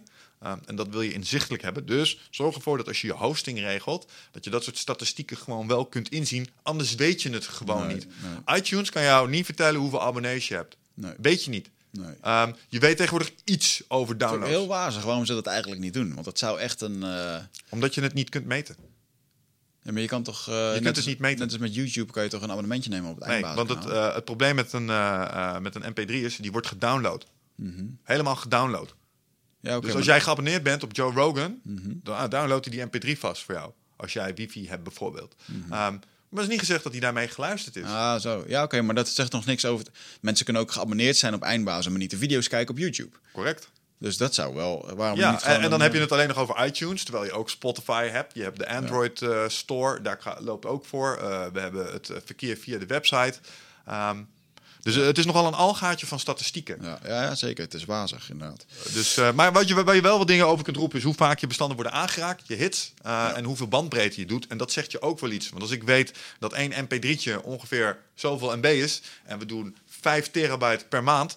nou, dan weet ik iets over hoeveel bestanden er volledig worden gedownload. Ja. Ja, dus, maar zorg ervoor dat je die statistieken en die terugkoppeling daarop... op zijn minst op die manier voor jezelf organiseert. Anders is het echt een black box. Ja. En ook gewoon leuk om te zien of dat je groeit, weet je wel. En als je zeker als je er uiteindelijk denkt van nou misschien wil ik ooit wel een keertje wat geld mee verdienen, dan moet je zeker je data in, in de gaten houden. Want dat is waar adverteerders naar vragen. Ja. Laten we en een hele belangrijke podcast of een hele belangrijke meter daarin is van hey vinden mensen het wel leuk waar ik het over heb. Wij mm. weten dat bepaalde podcast over geld, over seks, dat die het, en over geweld, dat die het heel goed doen. Vergeet de drugs niet. Uh, drugs ook, ayahuasca, ja. ja, zeker. Ja, ja. Nee, bijvoorbeeld, jongens, heel simpel. Hè? Jan Geurts is de best beluisterde podcast bij ons. Ja. Waarom? Iedereen die zijn liefje verliest in de relatiestrijd waar het uitgaat, die gaat googlen, liefde, seks, relaties, komt bij ons op de podcast. Twee uur lang kan je erover luisteren. Want dat kan bijna nergens, want hij is overal maar een uurtje. Mm -hmm. Dus mensen luisteren er graag naar. Zo simpel is het. Uh, Michael Pelagic, um, die titel, uh, en dan kom je toch een beetje op, wat is een goede titel voor YouTube? Nou ja, bijvoorbeeld uh, alles over succesvol zijn. Michael Pelagic. Super goede podcast. Ja. Uh, het geweldspectrum, dat is dan weer het andere ding. Uh, wij mochten met de antiterreur-eenheid van Nederland meelopen, de Marshof. Er is een filmpje van gemaakt op YouTube. Niet eens een podcast eigenlijk. Tien minuten lang is dat gewoon uh, actie. en dat scoort als een motherfucker. Tweede beste filmpje na Jan Geurt. Op, op, scoort dat echt ontzettend goed. en ook met dat we mee mochten met de sluipschuttersopleiding van het Korps Mariniers. Alleen dan zie je gewoon het kanaal YouTube is bij ons wat ondergewaardeerd, omdat men YouTube kijkt over het algemeen in de tijd van de baas. Hè, als je zogenaamd aan het werk bent. Alleen dat kan je dan weer niet twee uur doen. Dus um, een kleine podcast of, een, een videootje van 20 minuten, dat kijkt makkelijk weg. Maar op het moment dat het twee uur is, ja, dan zien we dus ook in de statistieken dat wij uh, op YouTube, ja, blijft men gemiddeld 20 minuten hangen. Mm-hmm. En ik, ik, denk dat daarom het merendeel, uh, als je met je oortjes op iTunes zit te luisteren en je zit ja. lekker te werken, dat, dat is waar onze downloads heen gaan. En dat zien we terug in de statistieken. Ik vertel dat je het laatst wel. Je zegt mensen doen dit vaak tijdens werk, vaak tijdens rotklusjes, luisteren er ook wel naar. En ik kreeg laatst terugkoppeling van een fan die met name naar ons keek terwijl ze aan het strijken was. Omdat dat oh. altijd flink lang duurde, zeg maar. Had ze 2,5 uur had ze wat te doen. Dat is nice. Ja, dus de associatie ik zie het, ik zie, ik zie, ik zie het helemaal voor me. Ik zie helemaal zo'n jaren 60 pin-up mevrouw, uh, zo'n uh, zie ik dan zo strijken, weet je wel? Voor uh, ja. Valt jou wel, terwijl ze naar jou staat te kijken. Nee, dat weer niet. Maar dat ze naar mij luisteren. Dat ze zo'n radiootje heeft, weet je wel? Zo'n vintage, vintage radiootje. Ken jij de serie Mad Men? Uh, ja, ik, ik, ken het van horen, maar niet. Um... Ik denk dat jij dat echt geweldig vindt. Ik denk dat jij die tijd ook. Is dat niet allemaal over. Uh... Is over reclamewereld. Maar echt de okay. typische jaren 50 macho cultuur en hoe vrouwen dan op de werkvloer worden ah. behandeld en zo. Dat je denkt. En waarom denk je dat ik dat leuk vind? Weet ik niet. Gewoon, moet ik aan denken als ik je dat zo hoor zeggen? nee joh, dit is juist. Vrouwen heel... nee, de strijkplank kijken nee, naar jou ik, als pin-up. Ik zeg, een pin-up is een beetje. Pin-up zijn van die vrouwen die je tatoeëert op je onderarm, zeg maar. Maar ik bedoel meer zo'n. Uh, zie je dan zo'n reclame van de jaren 50 voor je van zo'n Amerikaans gezin waar de vrouw dan aan het strijken is. Dat ja. zit dan een beetje zo voor me. Weet je, heel braaf. En het spin-up is misschien de verkeerde. verkeerde ja, dat is een hoop over. Ja, volgens mij was zijn moeder. Dus dat wat, we ook zouden kunnen doen, wat we ook zouden kunnen doen, is dat we onze was voortaan opsturen naar jou. En uh, dat, er dan, dat je oh, onze ja. was kan strijken tijdens onze podcast. I like where this is going. Ja, goed idee. Als je um, het hebt over infrastructuur. Ja, en een ander ding uh, wat dan ook een belangrijk is. Uh, ja, nou laten we het misschien eventjes hebben over een. Een, jij moet nog teksten schrijven, dat moet natuurlijk online komen. Um, ja. Vonden wij, hebben wij wel veel aandacht aan besteed altijd, omdat um, je wil op Google gevonden worden. Uh, mensen willen toch ook wel een beschrijving erbij hebben. Ander voorbeeld, Joe Rogan doet dat helemaal niet. Die doet gewoon een Wikipedia-beschrijving. Um, uh, ik ben nog, wij lopen, wij lopen daar nog wel eens over te clashen wat daarin handig is. Maar ik, ik ben nog steeds van mening dat ik het wel fijn vind om een beschrijving erbij te hebben. Ik denk dat het heel waardevol is om een beschrijving te hebben. Je had het er ja. straks over de titels. De titels doen ertoe. Ja. En je vindbaarheid neemt toe naarmate jouw omschrijvingen duidelijk zijn. Dus wij hebben uh, best wel. Kijk, je hebt een aantal plekken waar je kunt vertellen waar je podcast over gaat. Dat is op iTunes in de omschrijving. Dus in alles wat uh, de, de MP3's uitserveert. Of het nou iTunes is voor Apple of het is de Android Store voor je Android phone maakt niet zoveel uit. Maar er staat een omschrijving. Dus die titel daar is super belangrijk. Want daar gaan mensen op aan. En daarna is je omschrijving ook uh, belangrijk. Maar ook voor op je website. Ja. Um, maar ook voor op YouTube. Want uh, SEO, hè, de vindbaarheid, Search Engine Optimization, uh, is daarbij best wel belangrijke dingen. En als wij kijken naar oudere podcasts, die worden nog steeds geluisterd. Waarom? Omdat mensen zoeken op bepaalde dingen. Ja. En dan komt deze content komt bovenaan te staan. En ja. hè, dat genereert dus daarna ook nog weer traffic. Zeker. Dus naast YouTube en uh, eigenlijk gewoon je, je feed, je XML-feed, waarin je je MP3's uh, uit, uh, uitdeelt, heb je ook iets van een website nodig. Ja. ja. En daar komen ook teksten op um, van je podcast. En als, je, als het gaat om de website, is het snelste, um, als je niet super technisch bent, om iets van een WordPress of iets van een Squarespace te ja. pakken, ja. waarbij je redelijk makkelijk plug-and-play zoiets in elkaar kan zetten. Ja.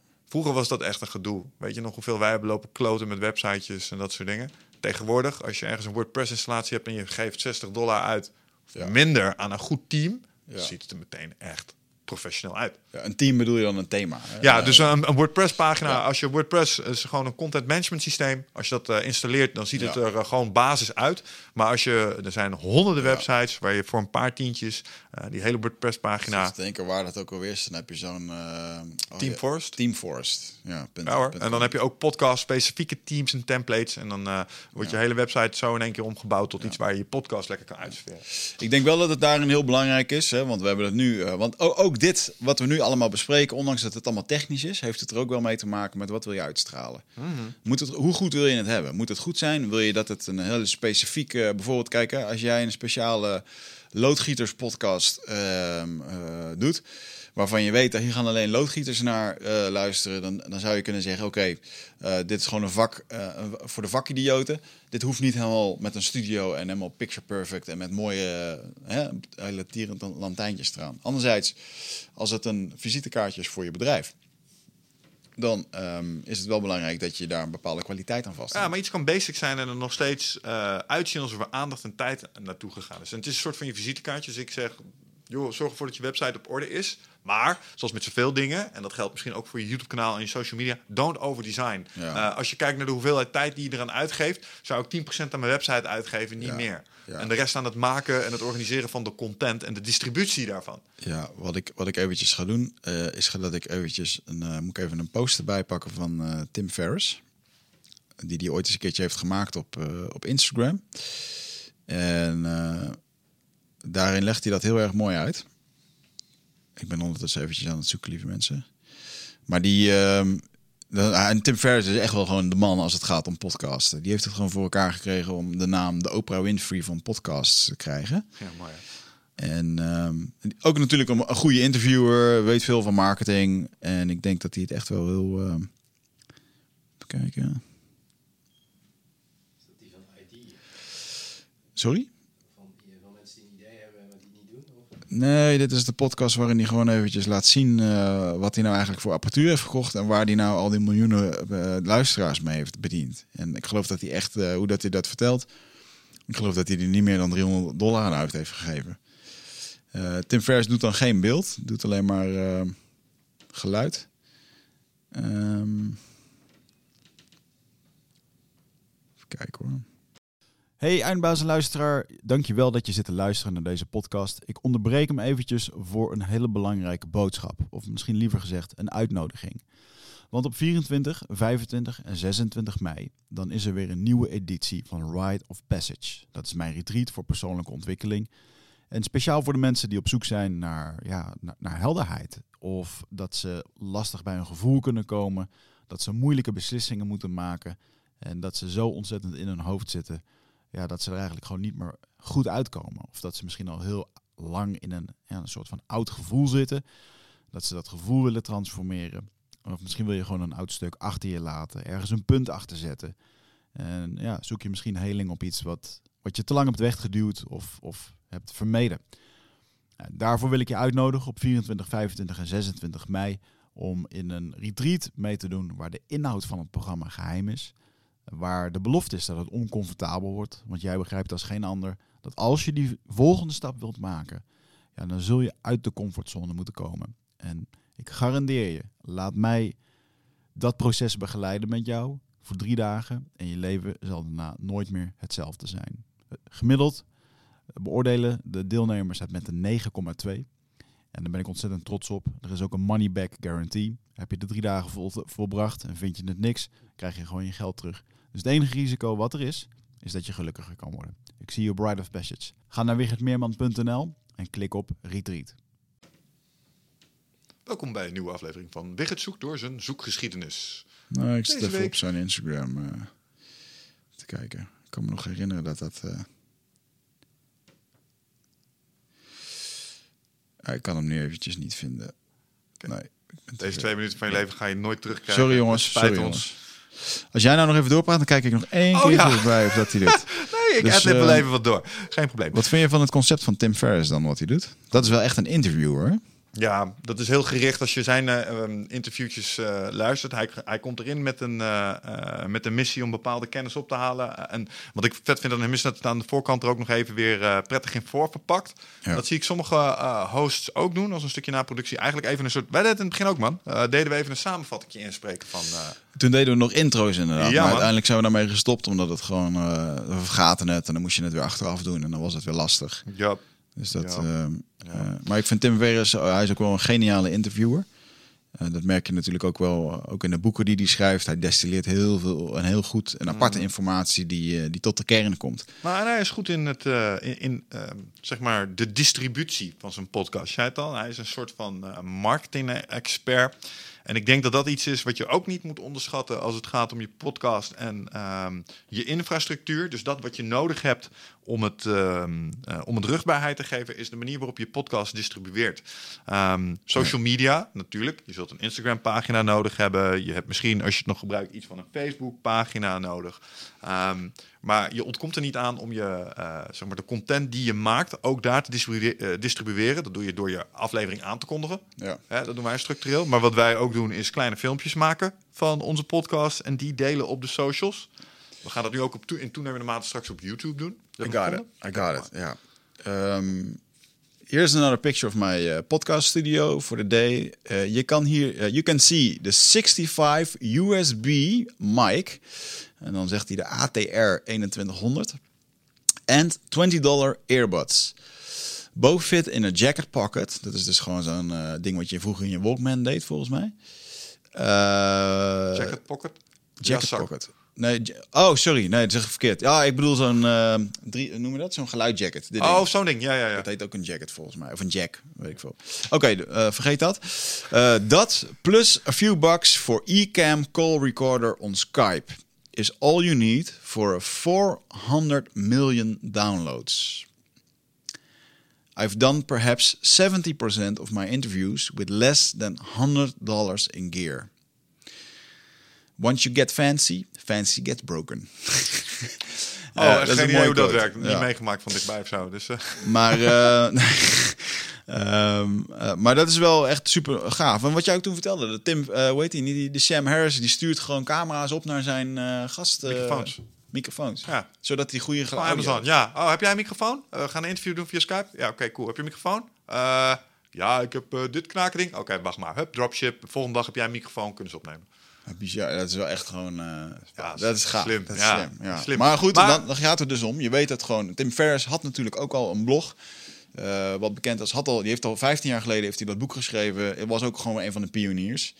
En uh, ja, weet je, hij heeft dat wel heel mooi. Uh, het is ook een uniek karakter. Dat maakt het ook een Sowieso. Maar het sluit aan bij wat ik net zei. Wat hij goed doet, is zijn distributie. Mm -hmm. Hij heeft dingen zoals nieuwsbrieven, uh, het delen van snippets, de blogs die je er daarna over schrijft, over de podcast. Hè, dat is ook een manier om ja. je podcast extra waarde te geven. Ja. Bedoel, wij hebben mensen. Uh, die naar ons toe zijn gekomen om te vragen: hey, kunnen wij bijvoorbeeld helpen met een timeline ja. maken voor je podcast? Of uh, hey, kunnen wij blog schrijven naar aanleiding van de content die er is gemaakt, uh, waarnaar wordt terugverwezen? en dat is, er, dat is ook iets dat moet je niet onderschatten. dat, dat, ja, je kunt er natuurlijk uh, volledig op inzetten om zoveel mogelijk dingen de social media op te helpen. Uh, je kunt ervoor kiezen om alleen je aankondiging te doen, maar je zult er iets mee moeten doen. Ja. Uh, want anders verzuipt hij ook in een ongelooflijke hoeveelheid aanbod. Ja. Dus, dus je moet wel gaan delen met je, ja, zoals ze dat noemen, duizend echte fans. Die moet je wel laten weten dat er wat is. Ja, uh, dat is dan wel. Wij zijn de early, wij zijn een early adopter geweest van dit verhaal. Ik denk dat, je, dat we daardoor ook een voorsprong hebben. Sure. Je hebt een naam in de, in de podcastmarkt als het ware. Maar als je nu gewoon nog steeds met iets nieuws komt, ja, lieve mensen, er zijn ook al duizend en één boeken geschreven. Ook over diëten en dingen en ook over keto-diëten. Maar als jij weer iets nieuws hebt bedacht over dat keto-dieet, jouw ervaringen, dan vind je daar toch gewoon weer mensen voor. Mm -hmm. Dus laat je alsjeblieft niet tegenhouden voor ja, maar er is al zoveel. Want ja, er is van alles al heel veel. En als jij zit te wachten tot het gouden ei, wat nog niemand heeft, wat uiteindelijk het, het, het, wereld, het wereldgoud gaat worden, dat gaat niet gebeuren. Nee. Go for that, weet je wel. Je moet, het gewoon, je moet er gewoon mee starten. En ik denk dat een, uh, uh, als je het hebt uh, van hoe doen jullie dat dan allemaal? Ja, in het begin deden wij het zelf. Dan hadden wij onderling een taalverdeling. Jij deed de techniek, ik schreef de teksten, ik maakte wat social media dingen. Op een gegeven moment uh, ja, werd dat gewoon te veel. Vroeger deden we een oproep voor vrijwilligers. Jij zei nog niet doen, want uh, dat, dat, daar reageert niemand op. Uh, ik ken dat van mijn vorige website en zo. Hoofdpijn. En we, kregen gewoon weer, en we kregen gewoon mensen die echt dachten: ja, we willen hier wat aan bijdragen. Ja. En ondertussen hebben we gewoon een super fijn team. waarin absoluut een wisseling van de wacht zit. Want um, uh, ja, dat is gewoon wel zo. Uh, het monetizing, daar zullen we het zo meteen over gaan hebben. Het is niet zo dat je hier een heel team kan betalen om dit allemaal te doen. Uh, maar als je eventjes om, om bijvoorbeeld, laat je iemand even een tekst schrijven. Een tekstschrijver, 45 euro per uur. 35 als die wat minder is. 65 als die goed is. Ja, weet je, er zit ergens een range Misschien heb je een fan, misschien heb je iemand die het kent. Maar iemand die echt ook de taal kan spreken die er in de podcast wordt gevonden. Dat is best wel lastig. Ja. Um, dan moet een bepaalde tone of voice in zitten. Uh, dan heb je het editen. Een goede video-editor. Nou ja, tussen de 45 en 80 euro per uur. Ja. Um, ik denk, je, je, kunt ook via Fiverr kun je dingen doen. Dat hebben wij ook nog geprobeerd. Maar dan had je vooral internationale. Maar dan moet je die bestanden weer gaan, gaan verzenden. Toen zat ik op Fiverr met een Amerikaans. Ja, die komen 90 gig aan bestanden aan. Oh, 90 gig, dat is wel veel. Ja, ja. Shit, en dit gaat iedere week gebeuren, weet Dat je is ook een stukje infrastructuur. Je gaat een professionele Dropbox-account nodig hebben als je met, op die manier gaat werken. Ja, zeker inderdaad. Dus dat, weet je, dat, dat zijn allemaal dingen en kosten bij. De hosting die loopt op. Wij hebben ook gewoon maandelijkse hostingkosten. dat, omdat er zoveel gedownload wordt, moeten wij betalen. Worden steeds duurdere pakketjes. Ja, ehm, omdat eh, eh, nou, je hebt natuurlijk de eenmalige aanschaf van je apparatuur. Eh, maar het is vooral het wekelijkse onderhoud. En dan heb ik het nog eventjes niet over de tijd die erin gaat. Dat een, een podcast van een uur opnemen heeft voorbereiding nodig. Ehm, je moet naar een plek toe, je moet de studio optuigen. Misschien staat hij er al kan- continu, dan heb je geluk. Maar goed, dan moet je voor de studio betalen. Dat kost ook geld. Je kan anti-kraak, maar dan heb je geen verwarming. Hebben wij. We hebben nog bij van die anti-kraakverenigingen gezeten. Daar kon je dan inderdaad gewoon voor, eh, ik geloof voor 400 euro hadden we een heel, we het hele gebouw, weet je wel. Die laatste, eh, dat was ook wel relaxed, maar daar was dan weer geen verwarming. Zaten daar met straalkacheltjes ja. echt, ah, is dat Dat was echt, eh, dan zat je twee te lullen en dan had de gas gewoon blauwe knokkels. Dan wist je dat je moest ophouden. Ehm, eh, maar wij vonden dat wel, daar, daar hadden we een beetje vrijheid en zo. Weet je, daar kon je gewoon lekker. Er was gewoon een hok, maar daar zou ik niet meer kunnen zitten. En op een gegeven moment wilden we er ook een soort van eh, kantoor van maken. En, eh, Ah, stromend water en een verwarming is geen Ja. overbodige luxe. Precies. En, en het kon ook met de groei. En ja, het, eh, weet je, super tof. Eh, maar goed, we hebben dus een team om ons heen gezocht die op onder, gaandeweg kon organiseren. En als mensen dan nu vragen van ja, hoe doen jullie dat? Ja, gelukkig hebben we die mensen die dat doen. Eh, super tof, want zonder hun eh, zouden we daar heel veel werk extra mee hebben. Ja. En, eh, en nu hebben we dan, eh, uiteindelijk is bij ons de droom uitgekomen. We hebben Jabbo in de studio die hier eh, de techniek regelt. En dat ontzorgt ons ook weer van, ja, van al die dingen. Plus we hebben dan de schakel weggenomen dat het achteraf ehm, bewerkt moet worden. Waardoor als iemand op vakantie ging, of het kwam niet door, of het werd even vergeten, dan had je gewoon weer oponthoud. En ja, eigenlijk, we zijn nu echt naar een gemakkelijke situatie waarbij we echt kunnen opnemen. Zitten, eh, schieten, het wordt meteen bewerkt en pam, het kan online. Nu Paul Smit vorige week donderdag opgenomen, zondag online gegaan. Hoe relaxed, weet je wel? Ja. Dat was echt een, eh, topper. En, eh, maar goed, dan heeft het er natuurlijk ook allemaal mee te maken. Ik, ik denk dat we nu wel een beetje het stukje van techniek en infrastructuur hebben behandeld. hebben gehad volgens mij. Ik denk dat we even naar de kosten kunnen kijken en daarna eindigen met de opbrengst. Dus Ja. Wat levert je uiteindelijk op? Ja. En ik denk dat het kostenaspect. ehm, nou, je hebt al wel wat dingen laten vallen over de techniek. Eh, je hebt al wel iets laten vallen over een, eh, een locatie. Stel je hebt geen, eh, geen studio nodig omdat je een mobiele studio oplossing hebt. Ik ken mensen die nemen gewoon thuis een podcast op. Vooral als je het via Zoom doet. Dus iets waar we het nog helemaal niet over gehad. Je hoeft niet fysiek bij elkaar te zetten. Je kan het ook virtueel gewoon doen. Ja. Hè, over, over Zoom. Dat, Ja. dat brengt de kosten al aanzienlijk terug. Maar ik denk dat de grootste kostenpost voor iedereen die dit doet, is de tijd die erin gaat zitten. Ja. Ehm, niet, niet in de laatste plaats voor je prep. Als je een, Ja. uh, uh, een gesprek van twee, drie uur voeren, um, dat doe je niet uit de losse pols. Tenminste, ik niet. Niet iedereen. Niet iedereen. Ik moet, daar, ik moet me daarop voorbereiden in ieder geval. Ja. Dus, dus dat kost tijd. Ja. Um, soms twee uur, soms een uur. Soms, als het echt... Uh, podcast met Jordan Peterson, daar ben ik wel drie uur mee bezig geweest. Ja. Um, om je voor te bereiden. Dus dat is één. Nou, jij hebt in de eerste 2,5 jaar van onze verkering... heb jij heel veel naar mij moeten rijden. Ja. En in het laatste gedeelte van uh, onze relatie, nu deze 2,5 jaar, moet ik meer naar deze kant van de IJssel komen. Maar je hebt uh, soms gewoon reistijd. Ja. Um, uh, eerst moest ja. jij naar Deventer, nu moet ik naar Apkoude. Ja. Hey, soms in de file, duurt gewoon. Ja, ja kost, en het kost een dag dan inderdaad. En eerst deed het altijd op een zaterdag erbij. En toen had ik Easier nog. Toen waren we dit aan het opzetten, reed ik op zaterdag naar Deventer. Ja, ja, ja, ja. Maar dat was wel lachen, man. Ik zag laatst nog die foto's dat we die dingen aan het uittesten waren en zo. Dat waren we echt gewoon, echt al, voelde echt als pionieren, weet de je wel. early days, ja. Maar, maar daar heb je dus wel mee te maken. En jij hebt aardig wat zaterdagochtend heb je gewoon in het verkeer gestaan. Ja, zeker ja. Ja, en als je terugkwam, uh, dan was die zaterdag ook wel op. Want dan had je nog een keer je reistijd. Ja. Maar je was ook wel een beetje moe. Wat, wat? Dat, dat is inderdaad wat mensen onderschatten. En zeker maar in het concept van twee uur. Maar ook nog een keertje met twee personen. Ik denk dat het in een uur misschien nog wel erg is, omdat het intenser is. Dus meer de windzip erop, want dan wil je echt vlammen. Ja, ja goed. In ieder geval, uh, het, het, voelt alsof je op een podium hebt gestaan. Eventjes. Het is intens. Ja. En het kost energie. En als ik een podcast uitkom, en zeker als we er twee op een dag hebben opgenomen, dan doen we daarna helemaal niks meer.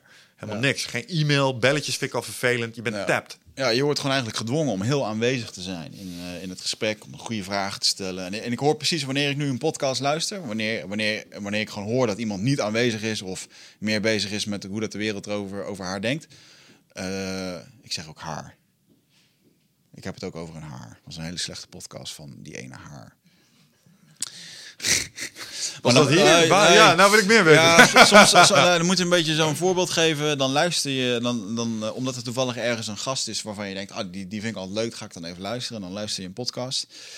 En dan is het een beetje alsof iemand een, eh, een, eh, een presentatie gaat doen. En, en het, het, is, het is zo gemaakt. Het is zo Mhm. nep. Het is zo, ja, weet je, het voelt gewoon niet echt. Dat werkte niet voor je. Zenuwen, dingen, alles voel je gewoon in heel die stem. En nee, dat, het komt niet natuurlijk over. Ehm, maar goed, ehm, Opnametijd. op, opnametijd, ja, inderdaad, ja, zeker. Dus het, het kost gewoon tijd en ehm, dat, is, eh, dat kost denk ik het meest. Want in die tijd kan je natuurlijk ook dingen doen waardoor je gewoon geld verdient. Dat is het, want wij zijn ondernemers. En als je het heel sec zou rekenen, dan is de tijd die we hier zouden zitten, hadden we ook anders kunnen spenderen voor Ja. een uurtarief. Ehm, en ik denk dat het eh, fair is om in ieder geval die tijd, daar moet je ook dat uurtarief eigenlijk wel een beetje aan toekennen. Want dat is wat het kost. 16 uur per podcast hebben we wel eens uitgerekend. Ja. En dat is eh, inderdaad voorbereiding, daar zijn. En dan heb je nog niet de gast die erbij, eh, eh, die moet ook nog naar de studio toe komen. En alle tijd en dingen die daarmee gemoeid is. En laten we ons nou eens even marktconform waarderen. Dus Ja. wij zijn op zijn minst 50 euro per uur waard. Misschien zelfs wel 100 euro per uur. En als we echt gekken vinden, dan kunnen we 150 euro per uur vangen. Ik vraag 350 euro per uur voor mijn coaching dingen. There we go. You need to upgrade, dude. Blijkbaar.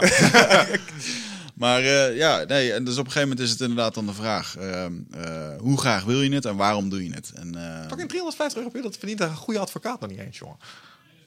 ja, ja, maar ik vraag niet gewoon. Anders is het niet in verhouding met wat ik per jaar vraag of wat ik. Ja, ja, nee, ja, nee, dat is waar. Ja. Oké. Nou, zo zien we weer, ook in het ondernemen samen leer je altijd weer van elkaar. Ik ga vanaf nu ook gewoon 350 euro per uur. Ja, maar het is wel. Oké, nou dan komen we nu dan op het kostenaspect. Nee, je wel. hebt gelijk, man, Of, op want de, dat kost of, of, of, of, of ik noem het het monetizing aspect. Ik bedoel, ehm, ehm, ik geloof dat het nu nog op. eh, volgens mij staat het nog ergens op, op Facebook dat je ons kan boeken voor Skype calls of zo voor 95 euro. Of 125. Dat is iets van drie, vier jaar geleden is dat opgezet. Een soort van, ja, mensen vroegen af en toe wel eens advies. Nou, dan gaan we maar misschien een soort van coaching doen. En, eh, eh, en nu is het dan naar een vorm toegegroeid. ehm, waarbij ik, ik erachter ben gekomen dat ik niet heel veel mensen wil coachen. Omdat het gewoon heel veel energie kost. Hè? Die, die één op één energie ook. Ja. Oh, het is een afschriktarief. Nou, en als je dat dus voor, eh, voor 85 of voor 120 euro... en sommige mensen zitten nu al te klappen met een oren van... ja, moet ik dan eh, 120 euro voor een coach? Vind ik veel. Ja, weet je, ik vraag nu gewoon 12.000 euro per jaar.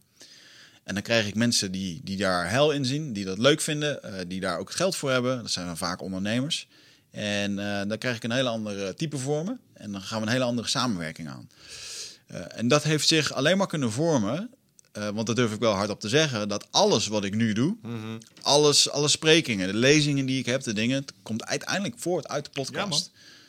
Omdat we daarin gewoon ons pad altijd hebben gedeeld. Mensen weten dat ik naar de jungle ben geweest. Eh, dat, dat gaat dan ook een soort van rond. eh, hè, als mensen het erover hebben.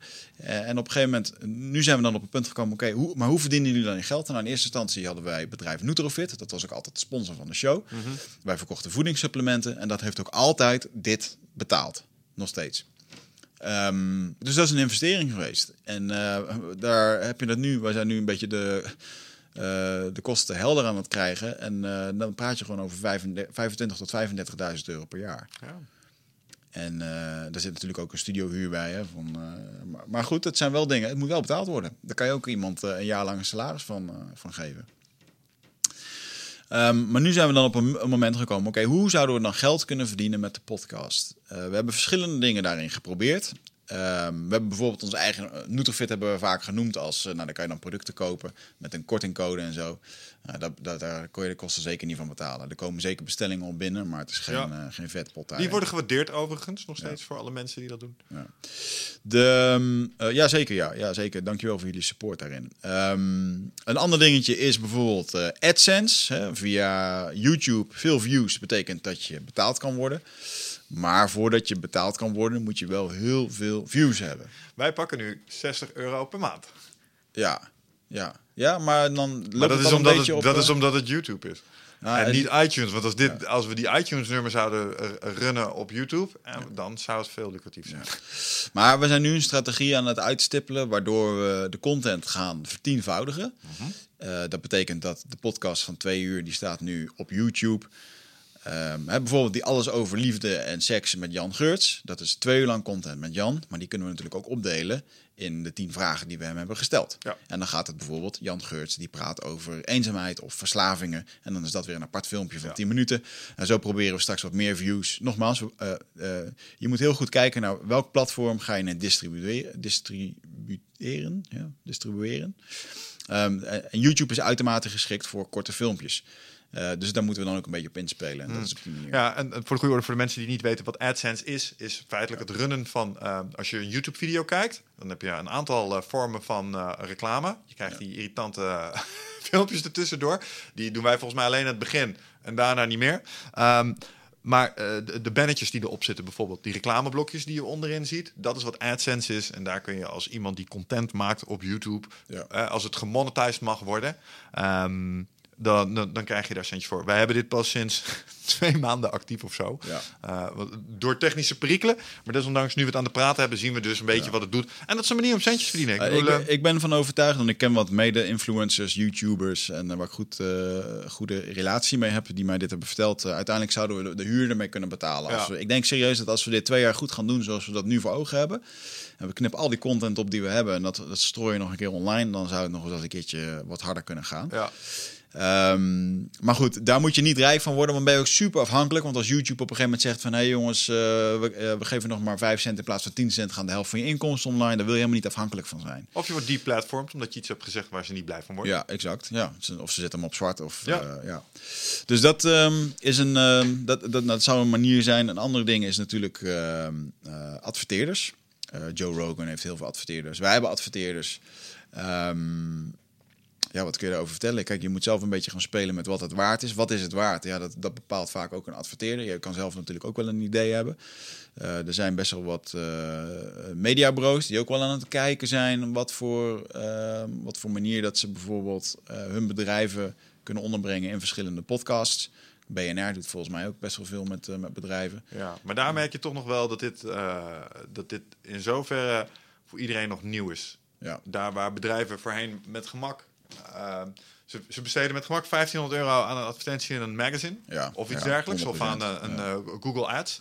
Eh, maar als je een soortgelijk budget beschikbaar stelt voor iets van zes afleveringen en laat, hier laten sponsoren, dan ja, is het toch eh, een beetje moeilijk te meten. En eh, wat is de conversie dan eh, precies? ja. Geen. Hoezo? Wat je aan het doen bent, Ja. je met je merk aan het laden. eh, wat je ook doet als je een advertentie plaatst, bijvoorbeeld.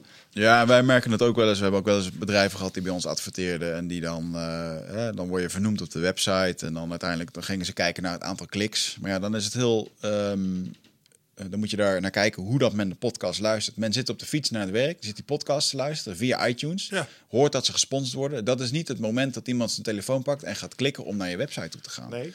Wat dat is, is een extra hit op zeg maar, wat tegenwoordig de norm is in marketingland. Dat iemand twaalf keer met je product in aanraking moet zijn gekomen voordat ze genoeg actiepotentieel hebben verzameld om daadwerkelijk te gaan kijken op je website. En genoemd worden in de eindbaaspodcast is één erbij. Ja. En zo moet je dat zien. Ja, en ehm, eh, bedoel, wij hebben het wel eens gedaan, heel specifiek, hè, voor, ehm, eh, of tenminste wij, eh, ikzelf voor mijn eigen evenementen. Als ik hier gewoon een uur lang ga zitten kletsen over een workshop die ik ga doen of een tweedaagse, dan verkoop ik daar tickets op.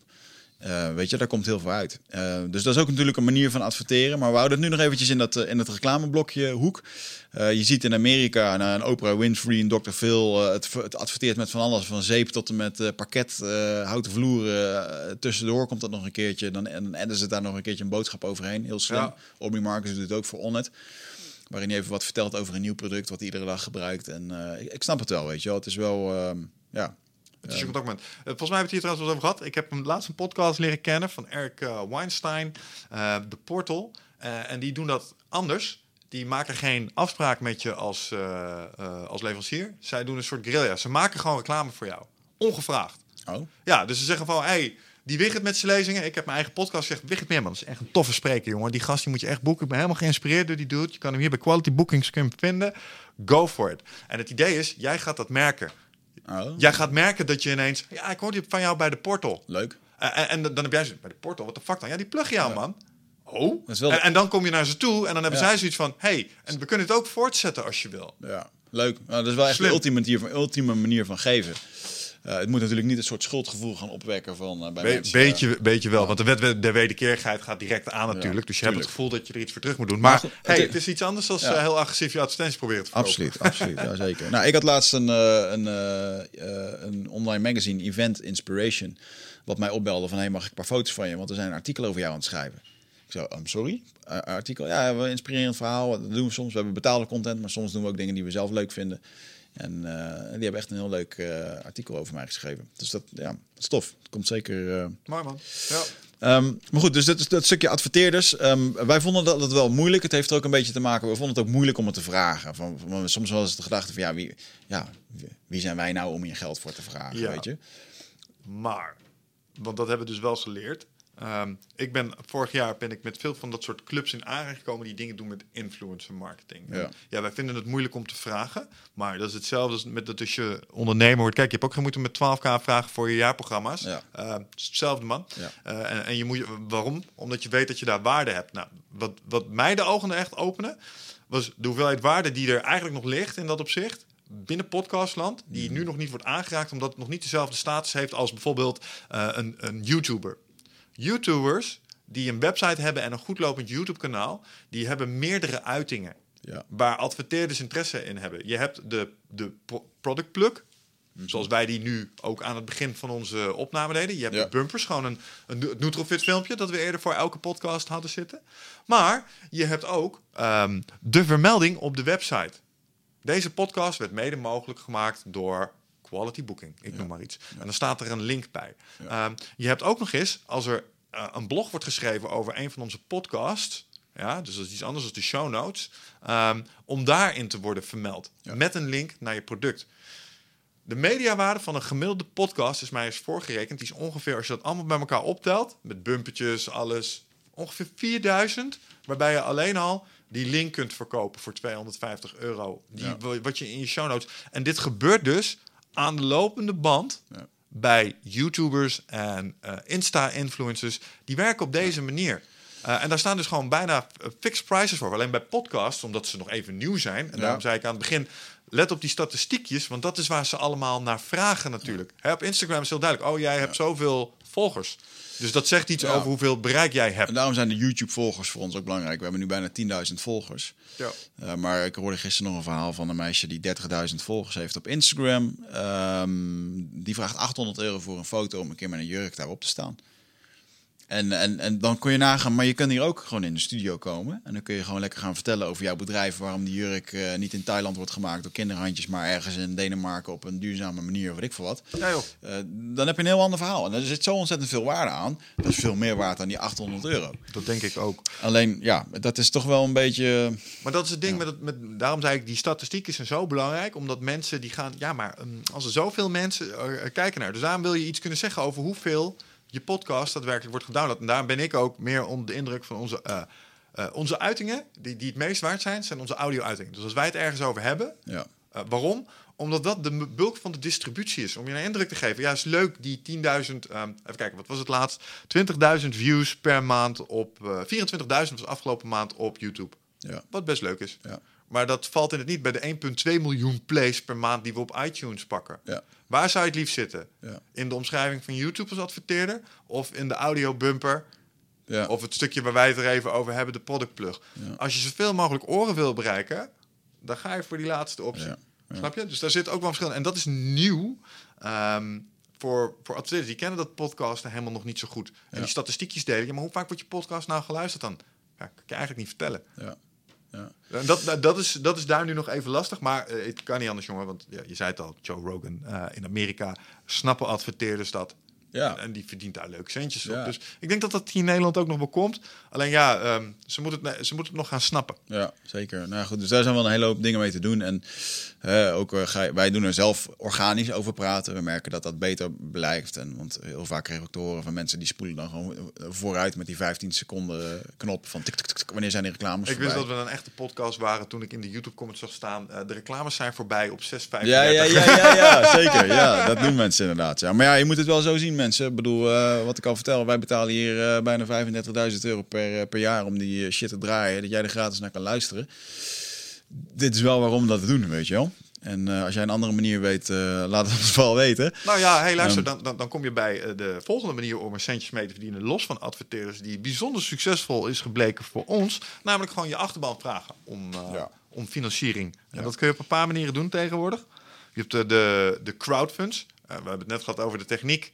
En alle mooie dingen die hier staan, nou, dat is uh, gefinancierd ja. middels een crowdfunding. Ja. Uh, daar hebben we leuk wat centjes mee opgehaald. En de spullen die zijn, zijn uh, mede daarom konden we ons dit veroorloven. Zeker. Als we dit ja. vanuit Nutrofit hadden moeten sponsoren, nou, dan hadden we onze jaarkosten gewoon verdubbeld bijna. Snap je? Dus het is niet Zeker. goedkoop. En, en, dat kun je dus ophalen vanuit je achterban. En dat kun je op twee manieren doen. Um, incidenteel, waarbij ze een donatie doen. En dan vinden mensen het mooi. Oh, hier heb je 200 euro. hey, zaten mensen bij te zijn, hier heb je 5000 euro. Ja. Dus dat is wel degelijk iets. En, um, maar dat is vaak heel uh, projectmatig. Dus nieuwe studio, uh, richtbedrag. Maar wat je ook kunt doen, en dat is in toenemende mate uh, zie je dat ook gebeuren. Bijvoorbeeld website als Patreon, of waar wij voor hebben gekozen, Petje Af. Mm -hmm. wat eigenlijk, wat je eigenlijk doet, is, nou, ik sponsor de show vast voor een tientje per maand.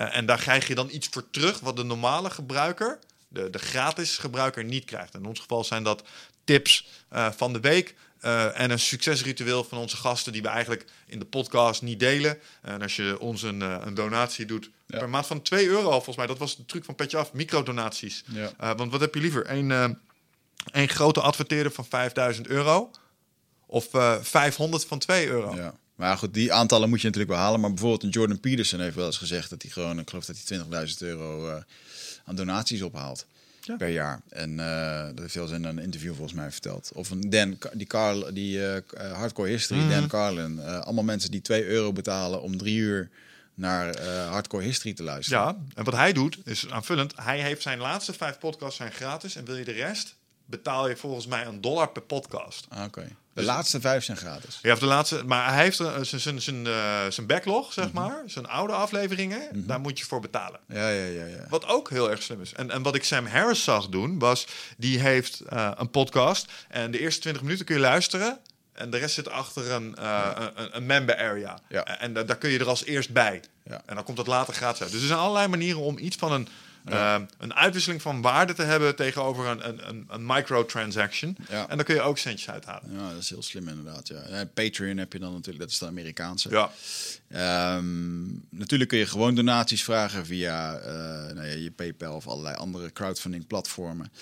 Uh, een andere ding die erbij staat is uh, gasten die betalen. Um, er zijn podcasts die dat nu gewoon, sterker nog, wij hebben, uh, iemand kwam naar mij toe die zei: Ik ben een podcast uh, gestart.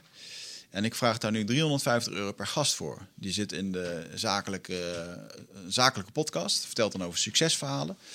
En eigenlijk wat ze gewoon aanbiedt is exposure. Ja. Dus zijn er gasten die dat willen betalen? wij hebben hier ook gasten gehad die hier betaald hebben. Soms hebben we dat, we hebben dat wel eens geprobeerd via een mediabureau. Wat toen, die zag hel in ons en die zei van... joh, we hebben gewoon heel veel klanten die waarde hebben. Dat kan bij jullie terecht. Dus we hebben er wel een beetje in zitten kijken. Um, wat vinden we daarin relaxed? Een soort Harry Mens idee. Uh, Harry Mens deed dan wel heel erg. Uh, um, was iets duurder ook. Het was iets duurder ook. Maar een, um, weet je, uiteindelijk hebben we gewoon een platform. En wilden we dat eens benutten of dat dat kon. Um, ik moet heel eerlijk zeggen dat dat. We zijn daarvan afgestapt nu.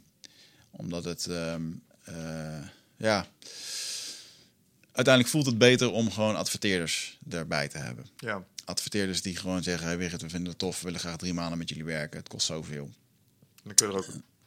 Hm? Ja, en op zo'n moment kun je er gewoon open, transparant over zijn. Deze gasten die hebben ons gewoon centjes ja. gegeven. Hartstikke ja. tof. Uh, en daarom willen we graag een keer met ze in gesprek. Want hey, hoe cool is dat? Nou, waar ik bijvoorbeeld wel nog steeds uh, heil in zie, is bijvoorbeeld... Uh, er zijn best wel wat sp bijvoorbeeld sprekersbureaus die ehm, marketingbudget budget hebben om hun sprekers in de markt te zetten. Mm -hmm. Nou, als die goede namen hebben en zij hebben een pot van hey uh, Wigert, we willen graag drie topsporters, uh, die willen we dit jaar wat meer promoten. Kunnen we die bij jullie in de podcast doen? Ze hebben ook nog een keertje een mooi verhaal.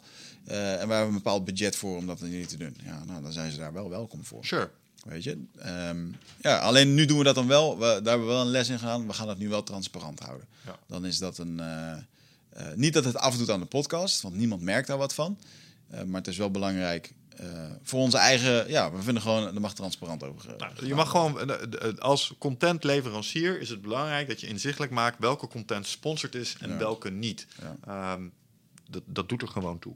Dus uh, ja, nee, helder verhaal. En uh, daar kun je ook gewoon transparant over zijn. Maar, goed, maar dit, weet je, voor ons is het ook gewoon een experiment. En uiteindelijk uh, de reden waarom we het nu niet meer doen, is omdat we nu een manier hebben gevonden. Ik denk dat we twee keer per jaar een crowdfunding willen gaan doen. Ja. We zijn actief naar sponsoren. Um, en zo meteen komt er nog iets waar, waar we ook nog wat inkomsten mee kunnen krijgen. maar ik wil het nog eventjes hebben over, um, oké, hoe verdien ik dan wel geld aan de podcast dat ik echt blij mee ben? En dat is eigenlijk omdat ik een manier heb gevonden voor mezelf. Dan moet jij jouw manier zo meteen ja, vertellen. Is, um, nou, ik heb natuurlijk nu producten. Ik verkoop jaarprogramma's. Uh, die doe ik er niet veel. Die doe ik er maximaal uh, drie tot vijf per jaar, afhankelijk van wie er zijn. Um, maar ik heb wel retreats. Ik, heb, uh, ik had een online programma wat één keer in de zoveel tijd online ging. Ik heb dat overigens niet gelanceerd in de podcast. Dus mensen zullen nu denken van, hè, waar heeft hij het dan over? Dat zijn online programma's te kijken ja. van het Meerman. Maar ja, um, uh, de retreats, uh, Ride of Passage, uh, maar ook mijn tweedaagse voor ondernemers, Tribe Leaders in Business. wat heb ik daar nou mee gedaan? luister eventjes terug naar de solo podcast die, die ik onlangs heb gedaan. Um, Eentje heet er uh, hoe wij trauma opslaan in ons lichaam. Ik, ik, dacht dat het 157 was of zo. En daarna hebben we nog een keertje uh, winstvrijheid en plezier. Waar, waar ik gewoon mijn visie op ondernemer geef. En laat ik wel vooropstellen. Ik heb in die podcast, die heb ik goed voorbereid. Want ik weet wat ik daar wilde vertellen. Want ik ging ze alleen doen. En daarin heb ik gewoon mijn visie uitgelegd over hoe bepaalde dingen werken, waar bepaalde problemen waar ik zelf tegenaan liep, waar andere mensen tegenaan lopen. En daar heb ik uiteindelijk een oplossing voor. Dus dat zit wel gewoon goed in elkaar, dat verhaal. Ook om een goed verhaal te kunnen vertellen hier. En uiteindelijk is er dan, oké jongens, herken je jezelf hierin? Nou, toevallig heb ik dan over, uh, dan en dan heb ik een bepaald retreat. Met die twee podcasts, uh, met die business podcast, heb ik zeven plekken verkocht van de twaalf die er beschikbaar waren. Uh, van 1000 euro. Ja. Er is een, een, een, noem dat, een jaartraject uitgekomen 12.000 euro. Dus dat betekent dat die podcast alleen die heeft 19.000 euro opgeleverd. Dat is één uur lullen.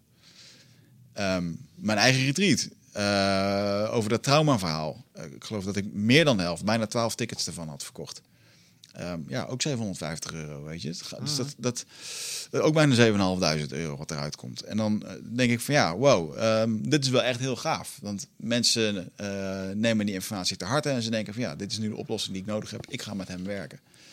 Uh, en dat, ja, dat is gewoon heel erg mooi. En dit is wel, laten we wel wezen, lieve mensen, dit is wel de beloning van afgelopen vijf jaar. 35.000 euro per jaar erin pompen. Hmm. Uh, investeren. Al die tijd erin. Uh, ook al die keren dat ik dacht van, oh, dan gaan we weer, weet je wel. En 157 afleveringen verder. daar is dit nu het resultaat van dat ik op deze manier mijn marketing kan doen. Want dat is nu eigenlijk wat het is. Je hebt een achterband gecreëerd. En dat betekent dat ik wat minder aanwezig ben op Facebook of op YouTube. Waar bijvoorbeeld uh, een vriend van mij, Jorg Ruijs, ook hier geweest in de studio, doet heel veel via YouTube. Dat is zijn kanaal, daar zitten zijn mensen.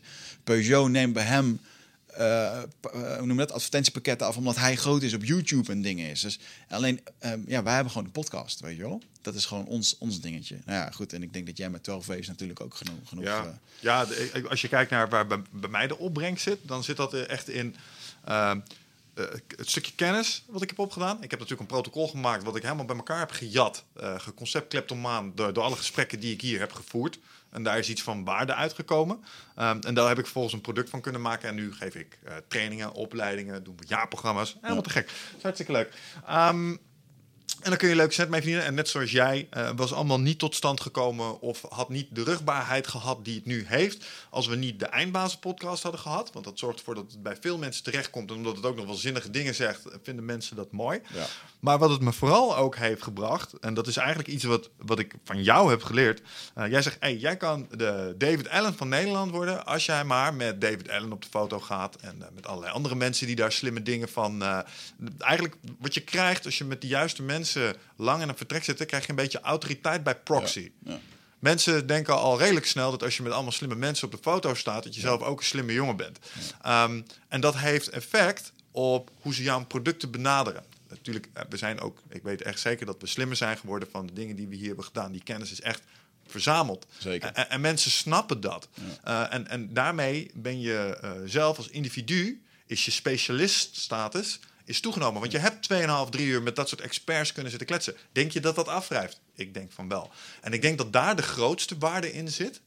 Um, omdat, even ongeacht hoe je dat dan weer leverage naar, naar centjes, zeg maar. Ehm, je, je hebt kennis. En, ja, we weten allemaal, het is een cliché, maar dat is in principe onbetaalbaar. Ja. En ik heb hier een aantal momenten en eigen persoonlijke inzichten opgedaan. En ik ben in situaties terechtgekomen, zoals niet in de laatste plaats ehm, de meest eh, ingrijpende gebeurtenis in mijn leven, of een van de meest indrukwekkende ervaringen, was een ayahuasca-ceremonie. Waar ik nooit terecht was gekomen als wij dit ding niet aan het doen waren. Ja. Snap je? En dat laat zich in geen enkele manier in geld uitdrukken. Nee, zeker. Maar, maar dat zijn ook opbrengsten die je er wel bij krijgt als je maar, wat jij zegt, op die grind blijft gaan. Ja. Want er, wa- er zijn dagen geweest, hey man, dan was het even pittig. En hoe leuk het ook is om met super intelligente mensen, super gepassioneerde mensen te mogen praten, soms was het ook wel even een klus. ja. En als je dan toch maar er doorheen blijft gaan, ja, dan krijg je deze Zeker, dingen er uiteindelijk wel voor terug. En het is niet alleen het geld eh, wat het voor je opent, maar het zijn ook die dingen die ik zojuist benoemde. Ja. Jij bent wat meer aan het. eh, ja, voor jou, tenminste, dat. ehm, ik, ik noem nu eventjes heel binair deze bedragen, omdat ik gewoon mensen wil laten zien wat er uit, uit mogelijk is. Sure. De- eh, want alle, alle lezingen die ik geef, eh, daar hoor ik altijd, ja, ik ken je ook al van Eindbaas. Ja. Ik heb toen die niet geluisterd. Eh, en weet je, dus dat is zeker daar een resultaat van. En ik denk dat jouw ehm, resultaat eh, meer zit inderdaad in het netwerk. Dat je, want jij bent meer met grote bedrijven aan het lobbyen voor, je, voor 12 waves, trainers aan het neerzetten. Dat je daar de voorkeur krijgt omdat je Eindbaas podcast hebt. Ja, en mensen krijgen een behoorlijke indruk van de persoon die achter een bepaald concept zit, omdat er veel van je beschikbaar is. Dat helpt heel erg. En niet in de laatste plaats denk ik dat, eh, nou, ik, ik heb als, eh, wat je zegt, mensen kennen de podcast, decision makers die de podcast kennen. Ja. Eh, bijvoorbeeld, eh, er zijn nu bij de ABN, ABN een hele grote club. We hebben een leuk programma gedaan. Die zijn nu aan het kijken of we verder naar de HR Academy komen. Ehm, maar het zijn grote, stroeve organisaties. Ja. En wat Nick, uh, shout-out Nick, ook gewoon zei van ja, wat gewoon werkt is... ehm, we kennen je, het is leuk. Er zijn andere mensen in de organisatie die je ook kennen. Die zijn ook bereid om ervoor te lopen. Ja. Eh, hadden ze allemaal niet gedaan als je die podcast niet had gehad. Ja, snap je? ja. Ehm, dus in, in die opzicht opent het ook wel weer deuren voor me. En als die deuren worden geopend, dan wordt het ook weer bijzonder lucratief. Want dan kun je hele leuke programma's eh, draaien. Zeker. Ja, en het is te gek dat eh, bekende gasten waarvan wij denken: eh, wow, dit is echt wel eh, eh, een typetje hè, die of veel op televisie zijn of bekend zijn, waarvan we dan horen dat, dat zijn vrouw 's ochtends bij het douchen naar een eindbazen luistert en dat soort dingen. Weet je, het is super grappig dat dat zo terugkomt. Dus Ja, ik had dat ja. zelf met Giel heel erg. met Giel Belen, ja, dat hij van, hij luistert. luistert gewoon naar ons. Ja, ja, En, en, je dat dan even realiseren. ja, dat zijn mooie bijna- momenten, man. Je zou bijna denken dat hij gewoon mens is. Ja, maar hey, dat is wel iets wat je ook... eh, en dat heeft ook, denk ik, wel een bepaalde waarde. Ehm, ik, ik weet het nu echt 100% zeker. Ik ben liever rijk dan beroemd. Maar ik heb me heel af en toe, Ja. heel even in sommige contexten, even een beetje BN'er gevoeld. En toen Ja, dacht ik, ja. dit is leuk voor een dag. Even bij Michael Pilacek, als iedereen je kent daar. Dat is helemaal te gek. Ik moest er alleen niet aan denken dat dit alle dagen zo was. Nee, maar dan ben je bekend in de niche. En dat vind ik ook gewoon leuk in de niche waar ik in spreek. Eh, Daar, daar, ik hoop dat ik daar bekend in word, omdat ik dat leuk vind. Ik wil graag, weet je, ik wil graag hangen een keertje met Tim Ferriss. En het kletsen over de dingen waar wij het hier over hebben. En dat, dat lukt onder andere als je op een gegeven moment in die scene gaat bewegen. Mhm. En dat doe je door met die mensen te praten in die scene. Nou, dat is nu wat we aan het creëren zijn. Ja. Let maar op waar we nu over vijf jaar staan. Dan, dan, dan kun je nog een keer terugrefereren naar deze podcast. Dan zijn we, hebben een aantal mensen gesproken waarvan je denkt... Ik heb nu echt gewoon mijn vizier, ik wil een keertje Dr. Phil spreken. gaat, Gewoon gaat, gewoon, ja. gaat gewoon lukken, weet je wel. Waarom niet? Ik bedoel, eh, niet onbereikbaar. In Amerika misschien heel erg eh, bekend, maar eh, ja, ik denk dat hij het... Wat is een JP Sears? Zat in, ik was in Amerika, ik was bij Brandon Burchard. En wie loopt daar? JP Sears. Dat is die man met die rode haren, met die straat, die de spiritualiteit een beetje op de hak neemt. Met, eh, heet, hij- heet ook gewoon, Spears, ja, hij heet ook JP Sears gewoon op YouTube volgens Heb mij. je dat filmpje van hem gezien waarbij hij de ultimate Joe Rogan fan nadoet? Ah nee, dan moet ik eens Dat, is, kijken. dat Ja. is heel confronterend. Maar hij Dat doet ook hoe ik, die, eh, eh, eh, weet je, echt gewoon humor met dat paarse t-shirt van hem. En ik zag hem en ik spreek hem. En eh, ja, ik heb gewoon zijn privé e-mail gekregen om een keer in Texas met hem een podcast op te nemen. Eh, fucking lachen, weet je. En ja, dat zijn gewoon wel eh, openingen die je krijgt door, eh, door hier gewoon... eh, Ik wil nog een keer naar Pe- Jocko. Jordan ja, jij wil nog een keer naar eh, eh, deze meneer. Ik denk dat als we Aubrey een lieve mail sturen, dat hij dat Powder Show ook wel wil. We moeten een keer een eh eindbazen Goes America tour doen. Ja. En dan tikken we er gewoon zo vier, vijf in af. Gaan we nog een keer langs eh, je grote vriend eh, oh, oh, ik wou Elliot. zeggen Aubrey Elliot. Ja. Wil die vast ook wel? Ja, zeker wel. Ja, dat is best wel wat. Ja. Hè? Ik stop dit wel in de koffer. Ja, jij staat het in de koffer, kan gewoon mee. Oh zo, ja, ja, ja, ja. Show on the road. Nee, maar het is wel gewoon een. eh, dat zijn allemaal dingen die. Dat, dat pad dat ligt gewoon open, weet je wel. Mhm. Die mensen zijn go- goed benaderd allemaal. En ehm, eh, ja. Ja, er is heel veel informatie voor mensen die nu denken van shit, ik wil ook een podcast starten. Maar je hebt nu wel alle informatie om gewoon eh, je ding te gaan doen. En ik denk dat ik dat iedereen toch wel het aller, aller, aller, allermeest gun die daadwerkelijk een podcast gaat starten. Ja. Dat moment dat je het mailtje terugkrijgt van die ene gast waarvan je echt hoopt dat die ja zou zeggen. En die komt dan. Ik heb bijna een salto achterover gemaakt toen David Allen de eerste keer zei ja, ik kom. Ja, Snap je? ja. En ik ben niet zo flexibel. Dus eh, En die hilarische verhalen die je meemaakt. Dat jij met Jordan Peterson in de auto zat en dat alles fout ging. fucking en, eh, trauma. Wat een fucking helderheid was dat. Ik kan zo weer beginnen. Ja. Ja, ja, Goed, dat was de- geen grappig. eh, dat was geen goed weekend. niet, het is niet voor deze podcast, maar er gebeurt achter de scène, achter de schermen gebeurt er een hele hoop. En, maar weet je, ehm, ja goed. En een van de dingen waar wij nu naar zitten te kijken is, ehm, eh, je hebt dit nu gehoord. En je denkt, oké, ik wil ook een podcast starten. Ehm, je hebt nu ook gehoord dat, het, eh, dat er veel bij komt kijken. Misschien wil je het op een bepaald eh, niveau doen, maar ik hoop dat je het goed wil doen. Dan komt er wat meer bij kijken dan, eh, dan, dan alleen opnemen op je telefoon. Ehm, wij hebben hier een studio, volledig ingericht, waarbij we beperkt ehm, eh, opnemen. Want wij zijn niet de hele week aan het opnemen. Dat doen we vaak op vaste dagen. Dus dat betekent dat deze apparatuur ook voor een hele lange tijd stilstaat. En nu hebben wij bedacht, van ja, misschien zou het handig zijn als wij eh, de studio kunnen verhuren. En dat betekent dus dat als jij nu het idee hebt van ja, waar moet ik in hemelsnaam beginnen? Dat je lekker hier naar de studio komt. eh, dat je eh, alle apparatuur tot je beschikking hebt. Je kan hier je eigen bannertje neerzetten met je logootje, met je dingen. Je hebt perfecte audio. Ehm, we hebben een regisseur die het live on the spot allemaal regelt. We kunnen jullie natuurlijk helpen met het concept wat je daar neer, wil- neer wilt zetten. En on the spot kan jij hier een podcast opnemen. En op het moment als je eh, de podcast afsluit, zoals wij dat zo meteen ook gaan doen, dan wordt er hier op een knop geduwd en dan, dan is het bestand voor de podcast is gewoon al klaar. Dus je loopt hier met de audiobestanden en de videobestanden, loop je naar buiten. Eh, op je eigen sticky. Die moet je wel zelf meenemen.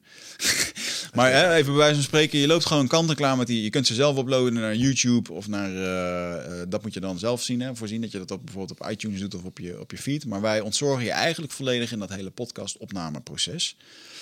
Ehm, zowel met video als met geluid. En daarvoor kan je de studio een halve dag of een hele dag huren. Nu hebben we die prijzen gezet op eh, 750 en 1500 euro. Ehm, Voor respectievelijk een halve en een hele dag. en voor, voor een respectief een halve en een hele dag. Ja.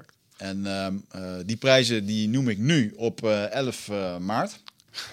Eh 12 maart. Eh, het kan zijn dat als je dit later een keertje luistert, dat die prijs misschien wel omhoog is gegaan. Want eh, we moeten even kijken of dit markt, marktconform voelt.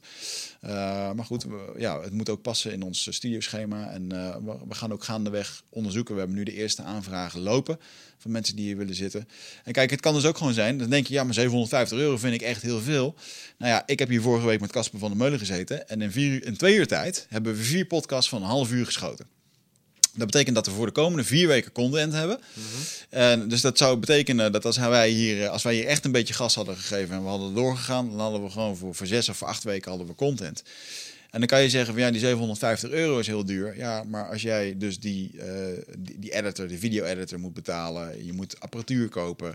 eh, weet je, het loopt zo in, de, in honderden euro's. Dus als je een makkelijke start wil hebben, dan hebben wij hier een oplossing voor je. Heb ik, ben ik iets vergeten? Volgens mij niet. Dit klinkt redelijk volledig. Ja.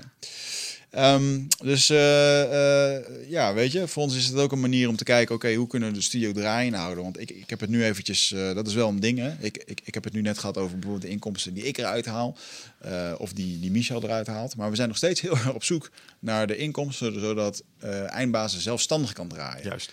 En dat zal ook betekenen dat wij eh, waarschijnlijk ieder half jaar voor die crowdfunding gaan. Waarbij we iemand een, een hoofdplek als hoofdsponsor willen bieden voor een wat groter bedrag. Nou, dat zullen voornamelijk bedrijven zijn.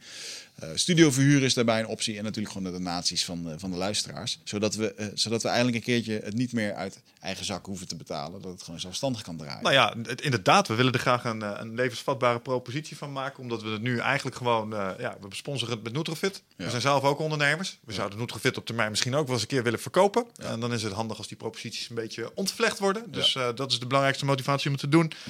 En dit zou een hele mooie ja, eh, inkomstenstroom kunnen zijn... om eh, de kosten van de podcast deels mee te dekken. Dus, Zeker. eh, ja. ja. Dus ga ervoor, eh, als je mocht je hier interesse in hebben, mocht je zeggen van ja, dat vind ik, eh, dat vind ik tof, dan kun je ons ehm, eh, vinden op eindbazen.nl. En daar staat een kopje met verhuur. Ehm, ik ben eventjes de adres helemaal kwijt. Zetten we in de show notes. We zetten het in de show notes. Dat wij het vijf jaar hebben als je eventjes zoekt, eindbasis, eh studioverhuur. Als je even googelt, lieve mensen, dan eh, kan, je gewoon, eh, kan je dat gewoon vinden. En dan, ja, wellicht zit je hier straks gewoon in de studio, lekker met je eigen logo. Je eigen logo kan rechtsonder in beeld gezet worden. Er kan allemaal mooie dingen mee gemaakt worden. Dus we got you covered in all that shit. Zodat jij lekker kan podcasten en naar buiten kan gaan. En ja, eh, eigenlijk kunnen we je ontzorgen van alle hassle die waar we net twee uur over hebben geluld. dat is het. eh, dat is En Wigert idee. zet echt een heerlijke koffie, dus eh, daar kun je dan ook naar kijken. Ook dat inderdaad, ja, ja zeker wel. Bulletproof coffee, lieve mensen. Anyway, mocht je dit wat vinden, reach out. Dankjewel voor het luisteren. En we zien jullie weer bij een volgende podcast. Tot de volgende keer. Ciao.